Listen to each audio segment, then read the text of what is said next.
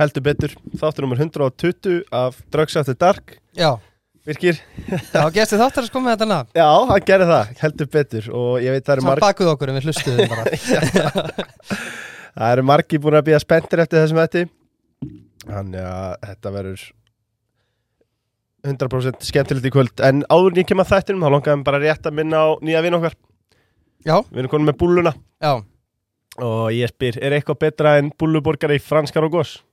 Uh, fátt allavega? Það er ekki margt. Þriðutastilbóðið, náttúrulega snilt búluborgari, franskar og góðs á 1890 og svo vil ég líka minna á Ellingsen en við erum að sjálfsögða að taka upp í Ellingsen stúdíun Já, þú ert í glæsari peysu frá Ellingsen. Já, ég er í duggarunum og Ferðir alveg einstaklega vel. Já, takk fyrir það takk Það er enda það flottar að það myndi líta vel út á öllum held ég. Já, já, já, já, ef það lítið vel út af mér það lítið það er vel út rétt, flestum uh, en gestur Chess of Dark í þættinum er 120 er einn allra besti vinur þáttarins ef ekki svo besti, Heiða Guðjónsson hagfræðingur og fyrir fórstjóri sínar og tja, einfallega kongurinn hvernig ertu? Ég er góður, eftir svona kynningu þá hlýt ég að vera bara einstaklega góður ánæður, ég er bara mjög glæður Já um, Þú er náttúrulega nýkominn frá Grænlandi eða fórstu þangaði sumafrí? Já, eh, ég mæli með því eh, þar sem við vorum hann á sviðst á Grænlandi þar sem Amarokk er með Nalunak námuna.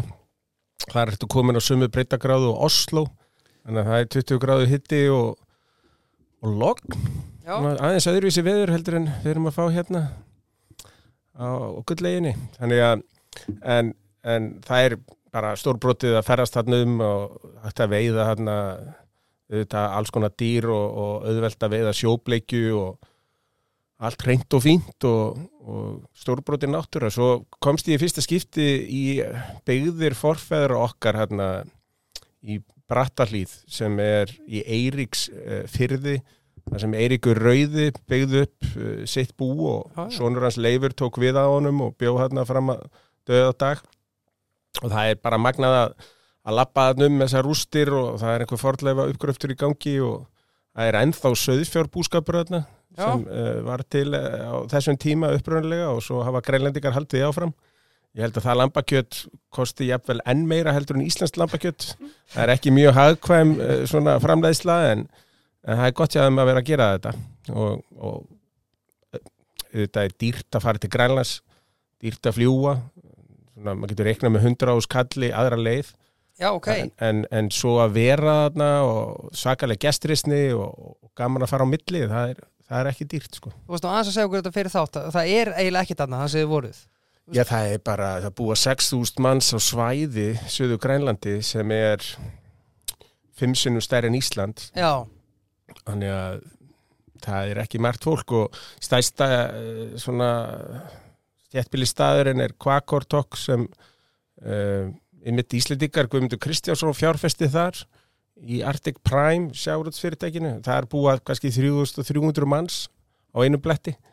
Og svo Nordaleg 11-1200 og svo Nassak og Nassasvak Nassak kannski kannski hátt í þúsund manns. Já, en svo, segja, ég er búin að telja upp í 5500 eða eitthvað.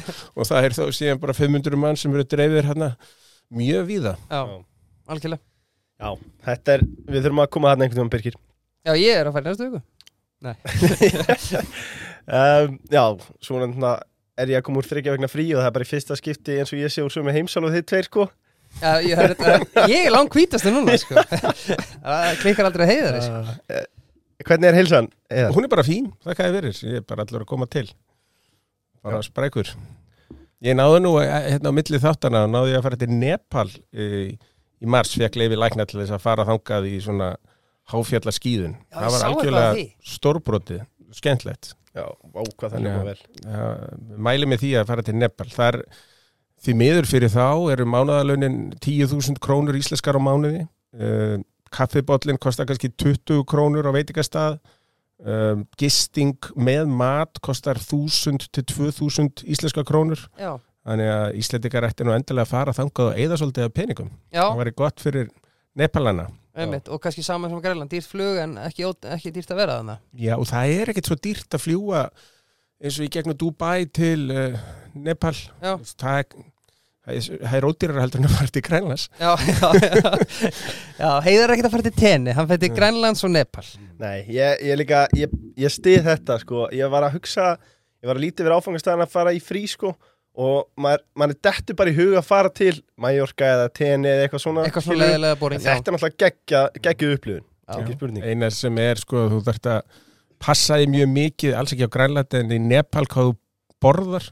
Já, það er einmitt sagt sko, þú þarft að vera sérstaklega, sérstaklega hugrekkur til að leysa vind í Katmandú þú veist aldrei hvað kemur með. En svona eitt af Hvernig er fólkið hann í Grænland og Nepal? Er þetta ekki Topp. svakalega gestrisið og almennilegt alveg bara og í Nepal er allir bara í þessu namaste og, og bara vilja allt fyrir alla gera og, og glaðlind og skemmtilegt og grænlendikar eru líka glaðlindir skemmtilegir. já Og taka Íslandingu fagnandi Já, gera það. Já. Þeir eru með aðeins meiri svona fordóma gagvart Amerikunum, þeir tala svo hátt finnst þeim, Íslandikar alveg tala nógu hátt, en svo, svo gagvart dönum bara út af sögunni. Já, Danir er náttúrulega algjörlega misfarið með þetta blessaða fólk hérna. Já, ekki spurning uh, það er hálft ár sem við fengum þið síðast þegar og mikið vatnurinn til sjávar að Heldur betur næga að taka uh, Ef við byrjum á því að ræða hans Íslandsbankamálið, hvernig horfum við þér núna? Ég, það er bara sorglegt í alla staði, meiri hátta klauvalegt og ég, ég, mér sem kapitalista, mér finnst alltaf svo ræðilegt að svona mál koma upp, eitthvað klúður sem færi fólk til að efast um gildi kapitalisma. Og ég svona í þessu máli að þá er náttúrulega bara innra verklag og annað, það er búið að fara yfir það, að, það voru bara reglur, innri reglur og, og ytri reglur og, og, og svona, það var bara allt brotið.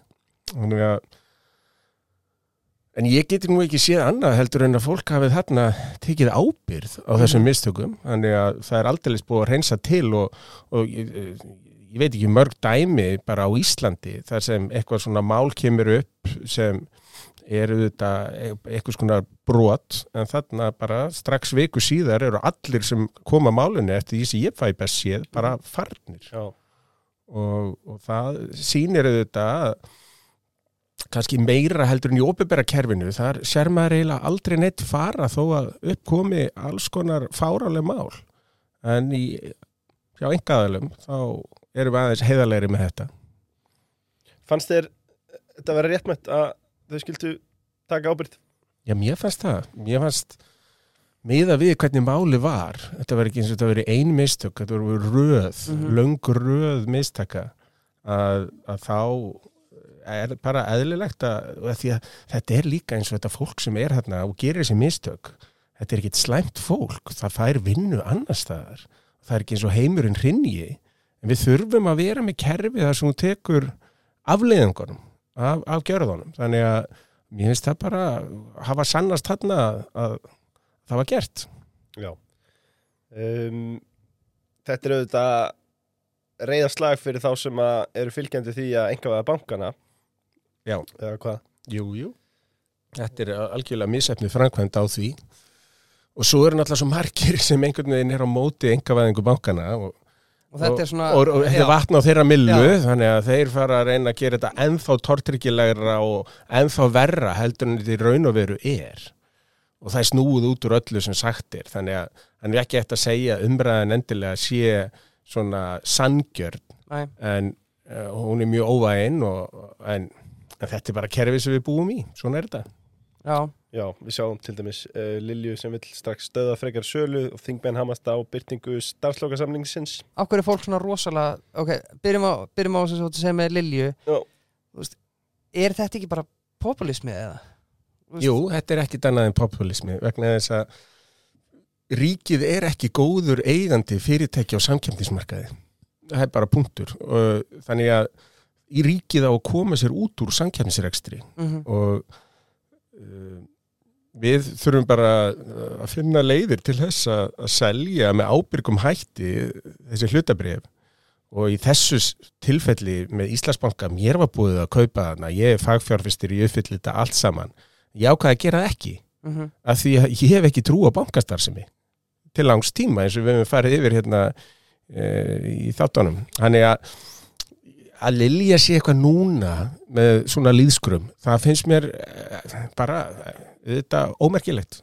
Já, Mér finnst þetta líka svona eftir á spekingar líka, doldið Já, en, en líka bara bankin ánu þegar en nei, fyrir ekki, ríki ánu þegar banka í landsbankanum. Já, mm -hmm. uh, Við sjáum mifitt reglurnar og fleiri sem sagt opnari bankastarfsemi og við erum að sjá nýjan banka spretta upp og, og svo framvegis.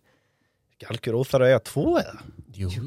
og ég minna síðan bara kemur fjártæknin og annað sem gerir það að verkum. Við sjáum bara hvað Indo er að stækka hratt en það er líka til alþjóðleg svona stór fyrirtæki sem er í samskonar ekstri og þau bara munu taka þetta yfir. Mhm. og, og það er bara gott fyrir neytendur. Öll samkeppni er góð og, og það er gott að fá erlenda svona alþjóðlega aðila inn. Þannig að við séum ekki öll alveg eins. Þannig að ég þess vegna að er að einhvern veginn að leggja út frá því að þetta klúður í Íslandsbankasölunni að, að það er að stöðva og, og bara einhvern veginn að steipa inn eignarhald ríkisins á uh, einhverjum böngum það finnst mér algjörlega röng álíktun En af hverju eru, núna sjáum við mjög góðu pistil sem að góðu vinnu þáttari Stefán Einar sett á Facebook hjá sér s- fyrir vikunni að sem hann var að tala um sko að núna sprett upp alls konar þingmenn sem hafa allir haldið ræðu frá þeim mættur, ekki búin að þykja einu hálfa miljónum mánu á hans að gera nokkuð skapaðan hlut. Vilja byrta, vilja þessi starfslokasamningur að byrtnu sér byrtur og fleira aftur bara populismi af hverju allir að tönglast í að þessi starfslokasamningur hvað er hann að fara að gera betra við fáum að sjá hann? Já og, og sérstaklega vegna þess að það er nú þannig að það eru ákvæði í starfsamningi ef þér er sagt upp störfum þá áttu rétt á þessu og hinnu Mm og þegar einhverjum er sagt upp störfum og út af ástæðu, hér er alveg ástæða, það er ekki bara verið að loka fyrirtækinu og það sé ekki rekstra knöndvöldur að, að, að viðkomandi hafi brotið á sér starfi eða ekki sint uh, starfinu sem skildi að, að þá er bara samningurinn þannig að þú átt inni svona mörga mánuð í uppsagnarfrest og þú átt uh, orlof og þú átt frí, það er bara mismöndi hvernig samningarnir eru orðaðir og mér kemur reynda stórkoslega óvart ef að þessi starfslokasamningur væri ekki bara alveg í takt við starfssamningin -hmm. en þeir sem borga þetta eru fyrst og fremst hlutafa bankans. Já, þannig að auðvitað geta hlutafarnir bara farið fram á hlutafafund eins og búið er að gera og heimtað að fá að sjá þennan samning. Mm en svo vitum við að það er ekki langt í næsta uppgjör og þá samkvæmt uppgjörsreglum að það verður byrt í ágúst þá hvort er þarf að byrta þetta í ágúst. Já, Þannig að, að einhver sé að fara á lýmingunum yfir þessu að hann fá ekki samningin í júli heldur þau eru að býða fram í ágúst. já, Ég, ég sé ekki að það sé stórmál. næ, Nei. samanlega því um, kannski við tökum aðeins bara núna eru búin þessi tvö útbóð uh, hefði þú farið eitthvað öðru í þess að hvernig ríki ákvað að fara í að selja þessa hluta? Já, ég hefði ekki verið að selja bara beint og onni í Úgrænu stríðið, innrásina. Ég, mér fannst það ekki góð tímasetning og uh, ég hefði ekki farið í svona pólitíst umdeilda aðgerð rétt fyrir sveitastjórnarkostningar eins og var gert og umræðan um þetta litast svo svakalega af bara pólitíkinni og stjórnmála baráttunni sem er í gangi frekar heldur en bara að það sé verið að selja hlutabrif í ríkisfyrirtæki. Mér finnst það gleymast núna að- að sko tímasetningin á þessu var í meira lægi furðuleg sko. Mhm. eða þeir vildu hana, hitan rifjaði hana upp fyrir mér og hlustendum? Já, eins og heiða var að segja, þetta var bara rétt fyrir sveitastjórnarkostningar þannig að menn voru vír reyfir bara um leið og salan átti þessi stað sko. Mm Já, þannig að, já, samanlega því. En hefur viljað sjá þetta kannski bara eins og Hermann sem við fengum til okkar í gær sjá þessu mjallað út á bara, kannski tveimur árum bara, Já, já, bara og ég vil ekkit að íslenskur almenningur sé endilega kaupa í þessum böngum þannig. Mér, mér finnst það ekkit sérstaklega spennandi. Í- íslenskur almenningur á stór, stóran hluti í böngunum í gegnum lífyrirsjöðuna mm en ég ætla ekki að hafa vitt fyrir fólki í þeirra fjárfestingum, þá má bara kaupa þess að það vill og, og þarna eins og í þessu dæmi, það hefur verið ekki hægt að kaupa hlutabrif á markaði á lægra verði heldur en þetta útbóð var á. Eiginlega bara allan tíman eftir útbóðinu laug Já, þannig að einhver sem fannst hann vera snuðar get ekki tekið þátt. Hann getur hann, hann er bara og gera hann greiða. Hann getur hringt í leið miðlar á morgun og græða óttir verð. Uh, einhver er að benda á og það er nú aðalega stjórnaranstæðan að benda á að ábyrðin liggi svo á endanum hjá Bjarnar Benedikt sinni fjármálaráðherra. En meina ríki fekk mjög góðan peningi kassan fyrir þessar sölur. Og líka sko, það er ekki einhver fjármálar á þeirra sem fer bara að stað með hlutafjárútbóð, það er ekki þannig. Nei. Og þess vegna er stjórnsýslan að það er bankasýsla sem heldur á þessum eignar hlutum og á að koma þeim í verð, það er bara hlutverk bankasýslunar.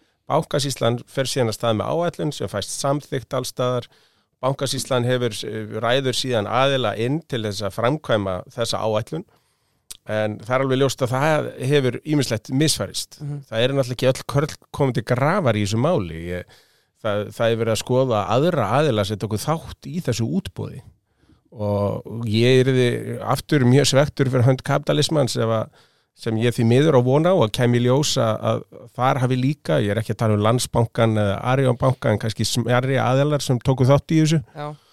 hafi ekki farið að fullu eftir reglum. Mhm. Sko, ég spurði Hermann að þessu líka en mér langar að spyrja þig uh, af hverju var samt ákveðið að fara í að því að það, svo, í fyrra útbóðið þá náttúrulega var opið öllum og þá var bara hámarkið miljón eða ekki, eitthvað slíkt var ekki mm -hmm. svo leiðis, miljón já, já. já, en, set, en setna 300.000. útbóðið af hverju er ákveðið að fara í þessa miklu rannsókn og við erum að fá þetta núna í grilli frá Sælabankanum Pólitík bara, þetta er bara pólitík og þau sjá hérna í stjórnaranstöðinni veikan blætt sem væri hægt að putta í og fara að putta og putta og putta og, og fjölumvilar í dag hafa svo sem alltaf verið það í sögunni hérna á Íslandi að þeir eru bara að reyna að búa til krassandi fyrirsagnir og krassandi efni og halda fólki við lesturinn eða áhorfið eða hlustunna þannig að þetta verður alltaf svolítið íkt allt saman. Mhm. Það er verið að búa til stríðsfyrirsagnir fyrir eitthvað sem er nánast ekki neitt. En það er eftir spurn eftir svona fréttum, þannig að þá eru það framleitar. Já, algjörlega Svo er þessi öskur keppni sem er á Twitter og samfélagsmiðlum, hún er ekki til að bæta þetta. Nei, Já, reynda stóra fréttir að metta sig að vera samkjöfni í Twitter, það verður áhugavert. ef er ekki Elon Musk bara að kveika í því Nei, svo, svo er fólk bara spenntara fyrir því að sjá hennar slag hana, milli Jú, jitsu slægin. meira. Um, þetta er sko, veruleikin er orðin svo ótrúlegur að sko, Logan Paul og þessir gaurar sem er einhverja YouTube stjörnur Mhm. fara síðan í einhverja barda íþróttir að fórstjórar einhverja fremstu tæknifyrirtækja heimsins eru farin að apa upp eftir þessum brandaraköllum. já, það er ótrúlega. Þetta er, er einhvern veginn galið og maður horfir eins og Kardashian systur og, og svona pop menningu síðustu ára. Það er bara allir komnir á þennan stað. Já, er engin svona, herru, ég ætla ekki að leggja svona látt bara til að fá, þú veist, meiri vinsældir, ég ætla bara að standa að mína plikt og, og gera mitt. Þetta er allt orðið einhvern veginn rosalega poppað. Já, Það er, já, það er þannig. Um, en lengjan, settu spenni í leikin og tippaðu á lengjunni. já, tippa Arsenal segir hér Já, alltaf, ég var nú mjög svektur með úslitin, hefur náttúrulega bara mistu bara, Tjókuðu. Ég er bara algjörlega, mistu sér bara á síðustu sex leikirnir, þetta var bara hræðilegt. Þú varst nú búin að selja okkur þetta í desember, sko. Já, já Þú, þú varst að segja þá, ef ég rétt, ef ég myndi veðja Já, sem betur fyrir veðja ég ekki þannig að ég tappaði enga á þessu nema þá bara smá gleði ákveðin tíma. Já, ég þekki einn, einn óðan Arsenal mann sko, en hann er ekkert svo vittlu sko, þannig að þegar uppi góða díla, hann sendaði mig að Teams í dag, Leifur, nú ert þú Chelsea maður, hvað segir um að við setjum 50 skall á, þú setur á Chelsea, ég setur á Arsenal, hvor endar ofar í töflunni? já, fyrir að Ég- levela ok, Ég sagði við hann, ég veði bara lengjunni. Já, já, já, vel gert, já. Nei, nei,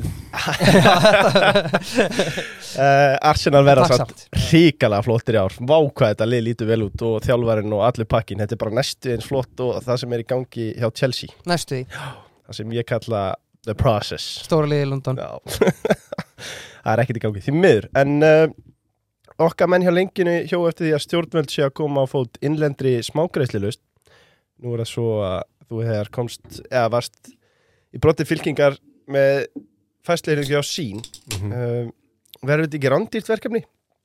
ég, sko, ég heyrist eftir því sem ég grænslast fyrir um þetta að það séu aðilar sem voru að vinna hjá LS Retail og, og, og svona fyrirtækjum sem sjá um greiðslur og greiðslu gáttir að þeir séu bara langt komnir með svona kerfi og ef við skoðum þetta að á ári þá hefur verið að greiða út 50 miljardar bara fyrir sko debitkorta innlendu fæslurnar þannig að það fer bara til Visa og Mastercard. Mhm. 50 miljardar á ári. 10 miljardar áður að þeir bara mistu viti með hennar landsbítala þá átti hann að kosta 70 miljardar hann er allt fyrir konum í 210 það er ekki búið útskýra neitt hvers vegna en láta það líka, sko. á milli hluta. En 50 miljardar á ári sem bara frussast út af því að menn er að skiptast á krónum hérna innanlands Þetta er bara kortafæslur Já, Bara átján krónur eða eitthvað já, já og, og, og það eru, eru komnar tæknilusnir sem kannski myndi lækka hennan reikning að minnskost um 80% ef ekki 95% og, og það verður náttúrulega bæðu upp á þjóðaröryggi er klift hérna á sæstrengi. Rússarnir ákveða að sprengja einhverja sæstrengi og gögnum berast illa á milli. Að þá gætu við ekki haldið uppi bara greiðslumiðlun í krónum innan okkars lands vegna þess að þetta fer allt í dag gegnum Visa og Mastercard Mhm. en að það væri komin íslensk lausna á þetta að, þá myndi þessi tímabundni fjarskiptavandi ekki reyfa við krónumarkaðanum hér þannig að þetta veri bæði miklu örugara og miklu ódýrara þannig að ég á nú vona því að það gerist eitthvað. En það ríkið, það er ekki ein... Nei, nei, sko, en ríkið, þetta, sæðlabankin er allt um líkjandi í þessu vegna þess að þeir eiga að sjá um fjármála öryggi líka og sjá um fjármála eftirlit og þeir hafa verið að sjá ofsjónum yfir þessu vegna þess að síðast þegar kom gríðalegt efnaðas áfall hérna 2008 að þá var krónu greiðslumiðlunin, hún var innan landsins. Síðan eftir hún fara bankarnir að spara sér pening eða ímynda sér það og láta Visa og Mastercard hafa allt, allt krónu dótið líka Já. og þá ertu komin bara með þessa áhættu að, að greiðslu svona miðlun í krónum hér á einhverjum svona óvenjulugum tímum gæti bara lokast Já. þannig að það er jafn gott að breyta því og ég tala ekki um að vera að lækka kostnaðin líka greiðalega. Þannig að þetta er vel Já, já, þetta er fínt. um, Það eru komin ansi mörg fæsluringafyrirtæki á Íslandi.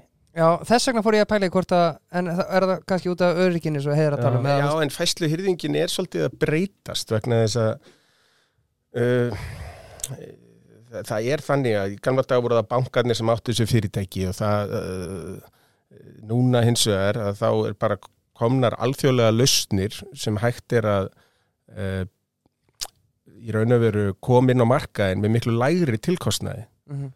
og í Evrópu hefur verið rosalega samþjöppun hjá þessum fyrirtækjum.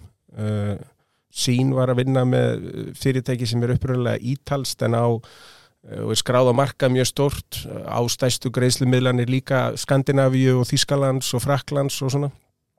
Og slíkt fyrirtæki það segir sér sjálft að þeir eru með gagna grunninn þannig er ég fyrst og fremst að horfa til alþjóðlegra fælsna, Mhm. Íslendingar að ferðast erlendis og útlendingar að ferðast á Íslandi að, að þarna er einhver sem er með öll gögnin, er með alla gagnagrunna, allt eftirlitskerfið og er kannski að þjónusta 100 miljónir viðskiptavina í Evrópu, auðvitað getur slíkur aðali bóði miklu lægra verð Já. heldur en fyrirtæki sem er bara þjónusta 100.000 manns á Íslandi Mhm. Þannig að þetta er svona þetta er að breytast mjög hratt greiðslukort hérna áður fyrir, það þurfti að geima pappirinn og það þurfti að taka þetta allt saman og nú er þetta allt orðið rafrænt uh, síðan kom sér pósar auðvitað sem Já. leistu pappirinn á holmi og nú er komin upp þannig að þú þart ekki lengur pósan þú getur bara verið með app í símanum kaupmaðurinn með app í símanum og, og það les bara af annarkort greiðslukorti eða, eða Google Pay eða Apple Pay Já. og þannig að allir þessi markaður er svona verða einfaldur og einfaldari og þá er ódýrar að komast inn á hann Já. og þess vegna er aðilum sem er að þjónust hann að fjölga sem þýðir líka að marginutnar á markaðanum er að lækka rosalega hratt. Já, Mhm. einmitt Við þú sjáum að kvika var að stopna svona fyrirtæki bara í lók síðast árs, er þetta ekki þá líka bara auka og fyrir þessa banka og Já, ef þeir eiga kerfin og þetta fellur bara beint inn í kerfin og eins og hjá Vodafone að, að fjör, ég, sko, ég var einhvern tímann að skoða hvað eru mörg fyrirtæki með fleiri en þrjá starfsmenn á Íslandi, við minnið að séu 18.000 og svo tók maður hversu margir eru svona eiga viðskipti við önnur fyrirtæki, hversu margir eru í smásölu. Og ég reknaðist til að Vodafone væri með um 40% af öllum kaupmönnum. Mm veitingastöðum, skemmtistöðum, fattabúðum, alls konar búðum í viðskiptum. Já.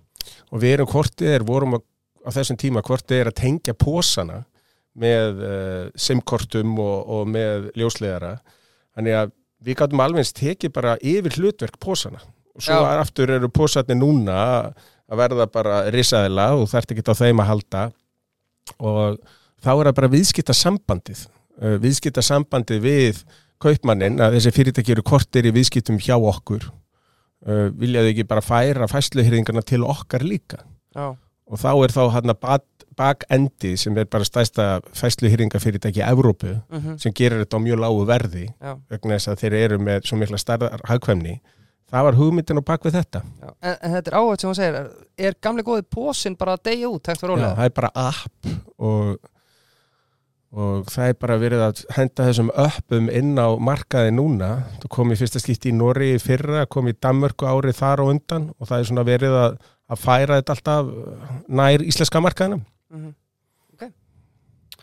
Uh, talandi um stærðar hagkvæmni mm, við sáum á dögunum að stjórn reyns ákvaða að leggja fram valfrjálst yfirtöku tilbóð í allt hluta fyrir eikar um, eh, þar með er, ef við byrjum bara á því er einhver möguleika að þessi kaupgangi upp eða? Já, ég Sankinn setti litið bannaði nú stóra majónis samrunan hérna. Já, já, þetta er aðeins stærra mál. Þannig að já, eins svona með, ég, ég auðvita á að leifa þessum aðilum bara saminast ef það er einhver hagur í því. En almennt út í heimi að þá blæs ekkert mjög byrlega í kringum eigendur skrifstofu og yðnaðar húsnæðis Eh, það eru þau félög sem hafa lækkað mikið alþjóðlega bæði út af COVID að fólk er að nota skrifstofur raun og veru minna heldur en var áður Mhm. og vinna án staðsetningar er alltaf að þeim er að fjölga slíku störfum. Var það samt ekki svolítið tilhörn sem gekk ekki upp eða? Já, það er samt þannig að eins og sérstaklega í þessum stóru borgum að það eru bara miklu færri sem sækja vinnu daglega þar heldur en var fyrir COVID. En svo sjáum við þessi stórfyrirtæki sem eru næstu búin að leggja bara blátt banna á þetta aftur af því að þau Jú, jú, jú, jú og, og, en þetta er samt eins og í bandrækjunum og Breitlandi, þetta er svo miklu algengara og, heldur en hér á Íslandi að fólk sé ennþá að vinna heima frá sér eða vinna úr öðru sveitafélagi þess vegna þess að kom sér fyrir. Þannig að en síðan er bara vakstakostnaðar að hækka svo svakalega og aðgangur að lánsfjö er að minka Mhm. og það er náttúrulega uh, vitað að það er eiginlega engin grein uh, í viðskiptum sem notar jafn mikið lánsfjö og uh, fastegnir uh, og fastegna bransin þannig að viðvitað ef að það er fyrir séð að vextir haldist háir að þá versnar afkoma þessara fyrirtækja Mhm. en hérna á Íslandi hafa þessi fyrirtæki bara staðið af sér hennar storm til þess að gera vel mm -hmm. uh, heildar vísitalan á Íslandi er niður kannski frá áramótum 16% og með bandaríski markaðin er upp bylunu 20-30% eftir því hvert litið er fyrir Mhm. utan fastegnafélögin Já, er það ekki bara örfa fyrirtæki sem að leiða það eða? Já, það er nú samt alveg, þú veist, S&P 500 eru upp uh, 22-23%, það eru Já. 500 stærstu fyrirtækin, Mhm. auðvitað er stór hluti að hækkunni þar, það er eitthvað eins og Nvidia og Apple og eitthvað, en það, er, uh, en það eru samt þarna, miklu fleiri fyrirtæki sem hafa verið að hækka heldur en lækka. Já. mhm. Þannig að íslenski markaðin er dálítið skrítin, fastegna fyrirtækin út í heimi, þau hafa uh, súrnað aldrei mikið, það hefur ekki gert, gerst að neinu marki hjá okkur. Síðan eh, eru markaðinir almennt að braggast mjög mikið. Við getum líka að skoða bara MSCI vísitöluna. Mhm. en hjá okkur eru við niður. Já. þrátt fyrir að hér sé sko, miklu meiri hagvöxtur heldur en annar staðar miklu minna atvinnleysi miklu betri hagvöxtar horfur þannig að þetta er eitthvað sem er eitthvað mjög skrítið í þessu. Er þetta ekki bara hverju sjóstjóra að leika sér um markaðinu? Já, það, það er nú aðeins sporið á því að menn sé einhverjum sangkassaleik hérna að skemma hver fyrir öðrum eða hver fyrir öðrum í kringum einhverju uppgjörst tímabil og eitthvað. Mm eins og það er nú alla tilviljun hvað markaðurinn hækkaði mikið Já. 30. júni það, það er mjög sérkennlegt og hvaða bref hækkuðu og annað. Það lítur einhver sem hefur eftirlit með slíku að skoða það. En ég, ég, ég segi bara almennt eru íslensk hlutabref ódýr uh, ég er ekkert sérstaklega hrifin eins og þau heyrið á þessum fastegnafélögum en það er eins og sjáróts fyrirtæki og, og, og bara rekstrar fyrirtæki almennt, þau eru bara ekki dýr. Næ En ég held veist, þarna að því að það er alltaf þessi gamla góða mýta við erum þetta rétt áður, það er ekki alltaf gott að fjárfæst í steipi, ég held að þessi fyrsti þáttur hvernig alltaf til að hlusta á hann. En fastegnafélög er samt eitthvað sem að mögulega áttar að leita í öryggi í kaupöldinu og þá kannski fastegnafélögin kannski eitthvað svona sem fólk þekkir Já, en eh, sko, fólk þekki fyrst og fremst íbúðarhúsnæði Já, og þessi fastegnafélögu eru bara í skrifstu og innar húsnæði. Þetta er einhver hótel og svona en Mhm. það er ekki íbúðarhúsnæði eins og ég horfa á það. En, en það eru þetta stóri leyendur sem eru mjög tröstir eins og sveitafélögu og ríki og þeir sem eru stæstirinn á þeim marka eru reytir en síðan eiga þeir líka eins og já, og, og, og Kringland og Smáralind og þetta. Og hvað er að verða um slíka rekstrar einingar og það er eins og maður skoða þróunna í bandaríkjónum að það var einmitt sagt að verslunarmiðstöð sem opnaði í New Jersey núna það er vantilega síðasta hefðbundna verslunarmiðstöðin sem myndi nokkuð tímann opna í Já. bandaríkjónum en hún var alls ekki veist, það var líka srækt og auðvitað bíó en, svo, svo mikið af afþreyingu mm umfram vestlanir þannig að það er svona eitthvað að vera að prófa sig áfram með þetta en að minnskvæmst í, í vöggu vestlunarmiðstöða bandaríkjanum að þá eru menn mjög svart sínir á framaldið þar Já. En af hverju ætti, þú veist, ok, við erum með þrjú, þessi við erum með Eik, Reyn og Reyti uh, ef að þessi tvö félug saminast uh, en ég meina það er ekki eins og sé eitthvað risa operation að það er ekki margi starfsmenn að baka þessi fyrirtæki, þú veist starðarhankamnin, hefur hún eitthvað mikil áhrif, ætti þetta ekki bara að fljúa í gegn eða hvað? Ég, ég, ég myndi þetta vilja þetta er bara samþygt Uh, það ætti að nást betri sem sagt, kjör í uh, fjármögnun. Mm það er hugsalega hægt ef þetta er orðið aðeins stærra félag að sækja fjármögnun beint út Já, eða sækja fjármögnun eins og þeir hafa svo sem verið að gera beint í lífyrirsjóðu og eitthvað sleppa böngunum sem millilið. Mm ef að ég, ég er ekki sérfróður um hennan, hennan bransa en, en ég, ég get helst ímynda mér að það sé eitthvað svona uh, einhver starðar hagkvæmni sem kemur með þessu Já. en það er ekki skrifstofahaldið. Næ, Gaggrinnisrættina verður þá vendalega að veri einhver samráðsætta eða... já, kannski. En ég, Ekki vitum við það? nei, ekki við það. Það er nokkuð ljóst. Um, En What the Clouds? Sko, ég er orðin risastóra aðdæðand á What the Clouds. Já, við þurfum nú að græja á heiðar sko. Já, því meira sem, já, já. Heiðar, við þurfum að skella, sko Ertu, notar þú gilið það? Já, Já, við þurfum að senda á hann Lucky Number 7 Þetta er rosalegt Já. staf, sko Sænskar hárur fyrir Já. alla um, Þeir vilja mitt aðeins ræða fastegnamarkaðin Og þá kannski frekar ekki skrifstúhúsnæði Það sem við búum í Já, Mm. mm. það er náttúrulega þröng stað þar og já, Já, væga sagt já, já, vægast það maður þetta er náttúrulega ævintýralegt ástand að það bara fjölgar og fjölgar og fjölgar fólki á Íslandi. Sem betur fyrir að mest vinnandi hendur sem eru að koma hérna en svo eru líka hælisleitendur og aðrir sem, sem þarf að koma fyrir. En, en þetta einhvern veginn eh, bara býtur í skottið á sér vegna þess að til þess að byggja meira þá þurfum að flytja inn ennþá meira fólki. Mm -hmm. og þannig að það þarf að hugsa þetta svolítið fram í tíman þetta verður ekki leist á þremur árum eða fimm árum, þetta verður leist yfir einhverja ára tugi og þá náttúrulega líka sökin fyrst og fremst hjá sveitafélögum sem hafa verið bara, og það er náttúrulega fyrir langfremst í flokki Reykjavíkuborg sem Já. hefur ekki bara verið að koma út nógu miklu magni lóða sem er óskiljanlegt. Mér langaði einmitt að spyrja þig hér að því að Vignir talaði nú um það í einhverju viðtali held ég að dögunum að, að sko það væri ofta að lóðaverð væri bara 300-400 krónur. Í svona ástandi eh, burt sér frá því hversu mikið það kostar eigum við að vera eiga sveitafélögin að vera að rukka fyrir lóðir eða? Ég sáði nú eina lóð sem fór hérna við hliðin á valskverfinu á 750 miljónir og þetta voru 70 íbúðir. Þetta er bara 11 miljónir og íbúð bara kostnæri við lóðina. Og það er nóg landsvæði á Íslandi. Íslandi er þriðja strjálbílasta land í heim mm þannig að það er endalist til hér að landi. En hversin er ekki hægt að að koma því í notkun, það er bara óskiljanlegt og þarna er ímislegt svona skamsýni í, í sveitarstjórnum og, og einhver þröngsýni í skipulagsmálum og í staði þess að sinna íbúum. Við kallum hana þjætt síni Já, já. Já, í staði þess að sinna skildun sínum við íbúa þá eru borgaríðuvöldi Reykjavík bara að reyna að handstýra kerfinu eins og þeim er þóknulegt hvort það hendar íbúanum eða ekki. Þetta er mjög skrítið Mér varst líka gott sem að Heiðar um að hérna hjá okkur síðast var að af hverju ekki bara leiðvilt að byggja, við erum með hótel einstu fimmstjörni hótel, hverju er ekki leitt að byggja fimmstjörni íbúður og einstjörni íbúður sko. Já, og sér það að það er íbúðunar á reiknum fyrir aftan okkur hérna á smárlundinni flottar íbúður alltaf sko en þú heyrir mannin í íbúðunum hliðinar anda sko þú veist og þetta er á okkur um sama fermetunum skilur það er endalust að landa í þetta sko. Og svo eins og við höfum tönglast á að, að þú sér öll þessi íbúðar, nei fyrir ekki verslunarhúsnæði á næstu hæði standa auð. Já, ertu Davíð sagði alltaf frá því. Einmitt og svo ertu með eins og heiða bent á, á fleiri alls konar kvaðir uh, sem að bara Hefur þið tekið eftir því, það er endalust að skrifstofhús nei, nei verslunarhúsnæði til leigu, Já, það, já. er, það er ekkert frátekið sko. Akkurat okkur að leifa markanum að ráða þessu þegar við getum bara stýrt þessu? Já, líka, nei, já,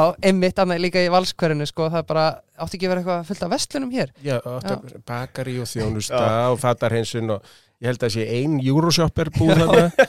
Engin bílastæði. Nei, og, og svo áttu allir að lappa á milli en með að við hvernig veðrið er hérna það, það er bara ekki fólki bjóðandi sko. Nei, en, en sko að það, það var maður reynda sem redda við mig uh, sem sagt, að við séum að sem sagt, að við séum ekki bara að bjóða út lóðir mm því þetta er náttúrulega bara beitt skattur er ekki hægt að finna þennan skattpenning annars þar það er eins og þú segir, við erum í því ástandi að lánsfíi er rándýrt mm og húsnæðisverð helst himinhátt.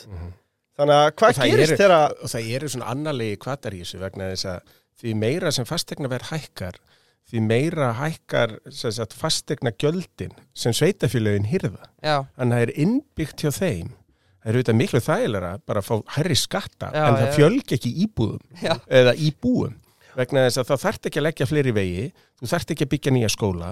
Þú, þú, Ekki meira álaga kerfið Akkurat og þannig að þeir, þeir hafa svona annarlegan kvata í því að bara pumpu upp fastegnaverð og fá það í, tilbaka í gegnum fastegna gjöldin og eitthvað fólk sem býr einhver staðar svo byggði ný blokkarna eða, eða eitt einbilshúsi selt á einhverju fáralegu verði að þá bara hækkar fastegna gjöldin hjá öllum sem Mhm. eru hann í nágræninu Já, þetta er fárunlega góðu punktur. Já, þetta, er bara, þetta, er, þetta er ekki heilbrikt hvernig þetta er gert. Þannig að ég ætla nú ekki endilega að væna uh, að borgarfulltrúa um það að vera bara að reyna að, að hækka og hækka og hækka og skatta til að reyna að spara síðan þjónustuna með því að bjóða ekki út neinar lóðir.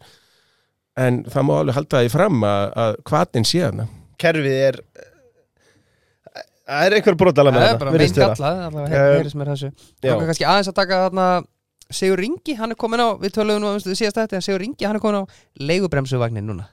það er maður, hann má ekki líta af þessu, maður bregður sér í frí og Er þessi framsóknar með svona miklu populistari? Já, það er nú alltaf loðað við framsvonarflokkin að svona vera með líðskrum og, og þessi leigubremsuvagn og þetta leiguþak við höfum rætta hérna áður okkar á milli þetta er náttúrulega algjörlega galin hugmynd og hún hefur hvergi virkað og, og hún meiri segja er sko þannig að hún snýst upp í andkörfi sína það minkar frambóð af leigu íbúðum Svo erum við að sjá að það er verið að bæti í sér hlutdeldalán, búið að hækka verma, ver, semast, þeir ætla að halda áfram stjórnvöld með það. Mér finnst það reyndar sko, til þess að gera þokkaleg hugmynd vegna þess að ég er mjög hrifin af eigna stefnu Ok, frekar heldur en að búa til einhvern massívan leigumarkað. Og það sem fólk bara veit að það á heimili sitt það er enginn að fara að íta þeim í burtu.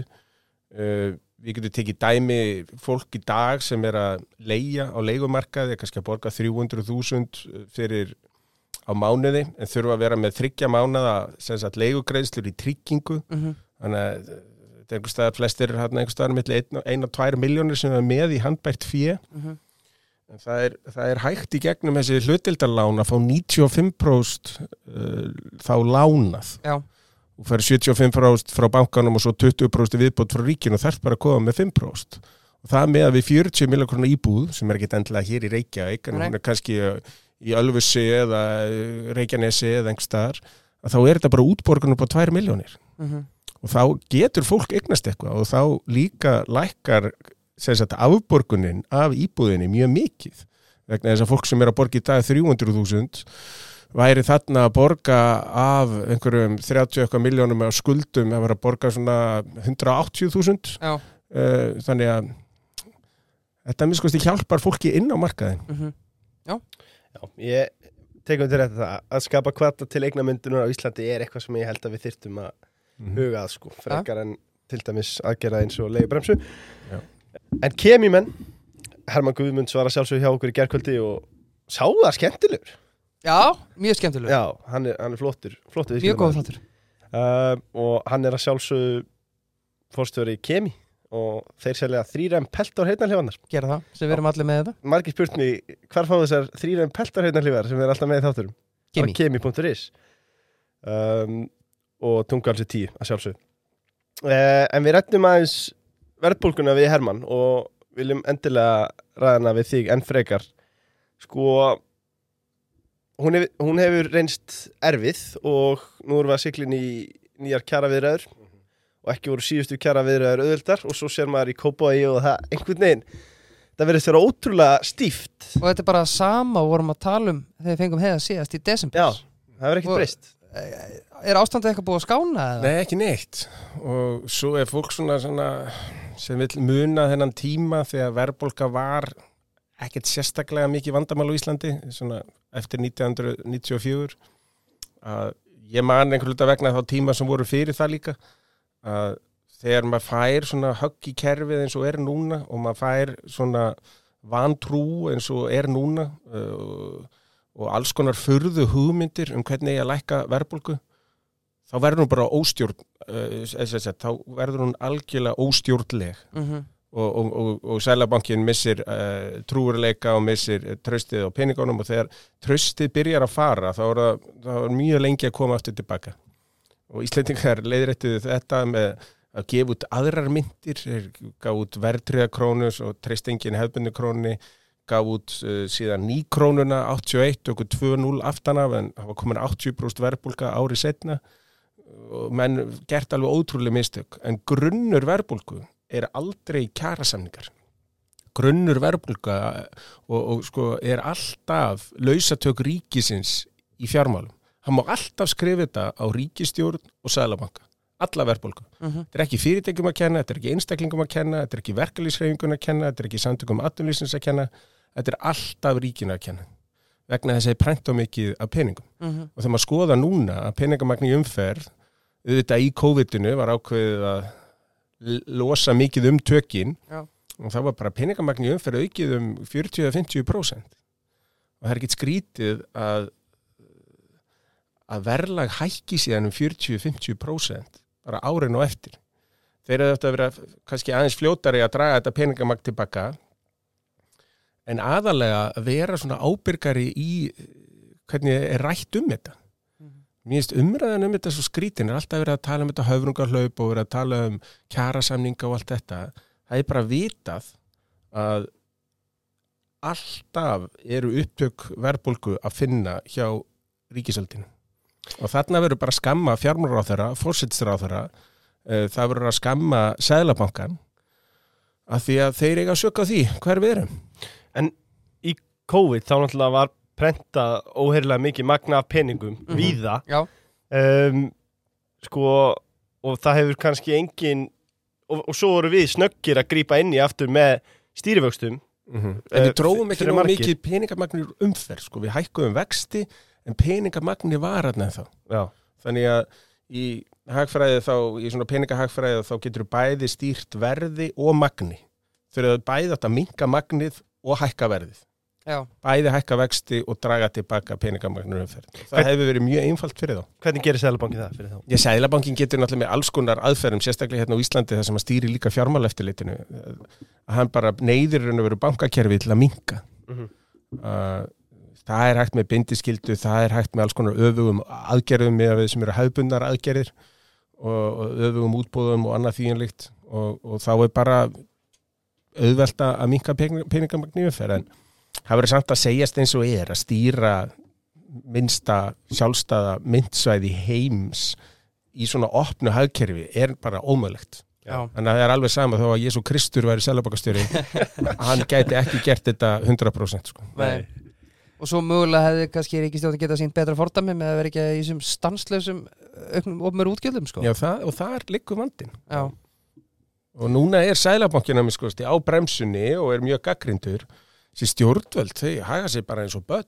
Það er bara, bara neita að- að að- að breyta rétt. Mm Já. Klárt. Sko, ég hef rættaði marga og ég velt svo mikið fyrir mér og það verðast einhvern veginn allir vera ósamála mér þarna úr viðskiptalífinu. Þú heldur samt áfram. Já, en það, ég læti ekki segjast. Um, Sko, ég hef mikið velt fyrir mér núna sko, eitt sinn vorum við með aurin Já, já. Svo var hann bara tekið um fyrir allt í lagi og svo vorum við með krónuna og hún er eiginlega að verða úrelt líka.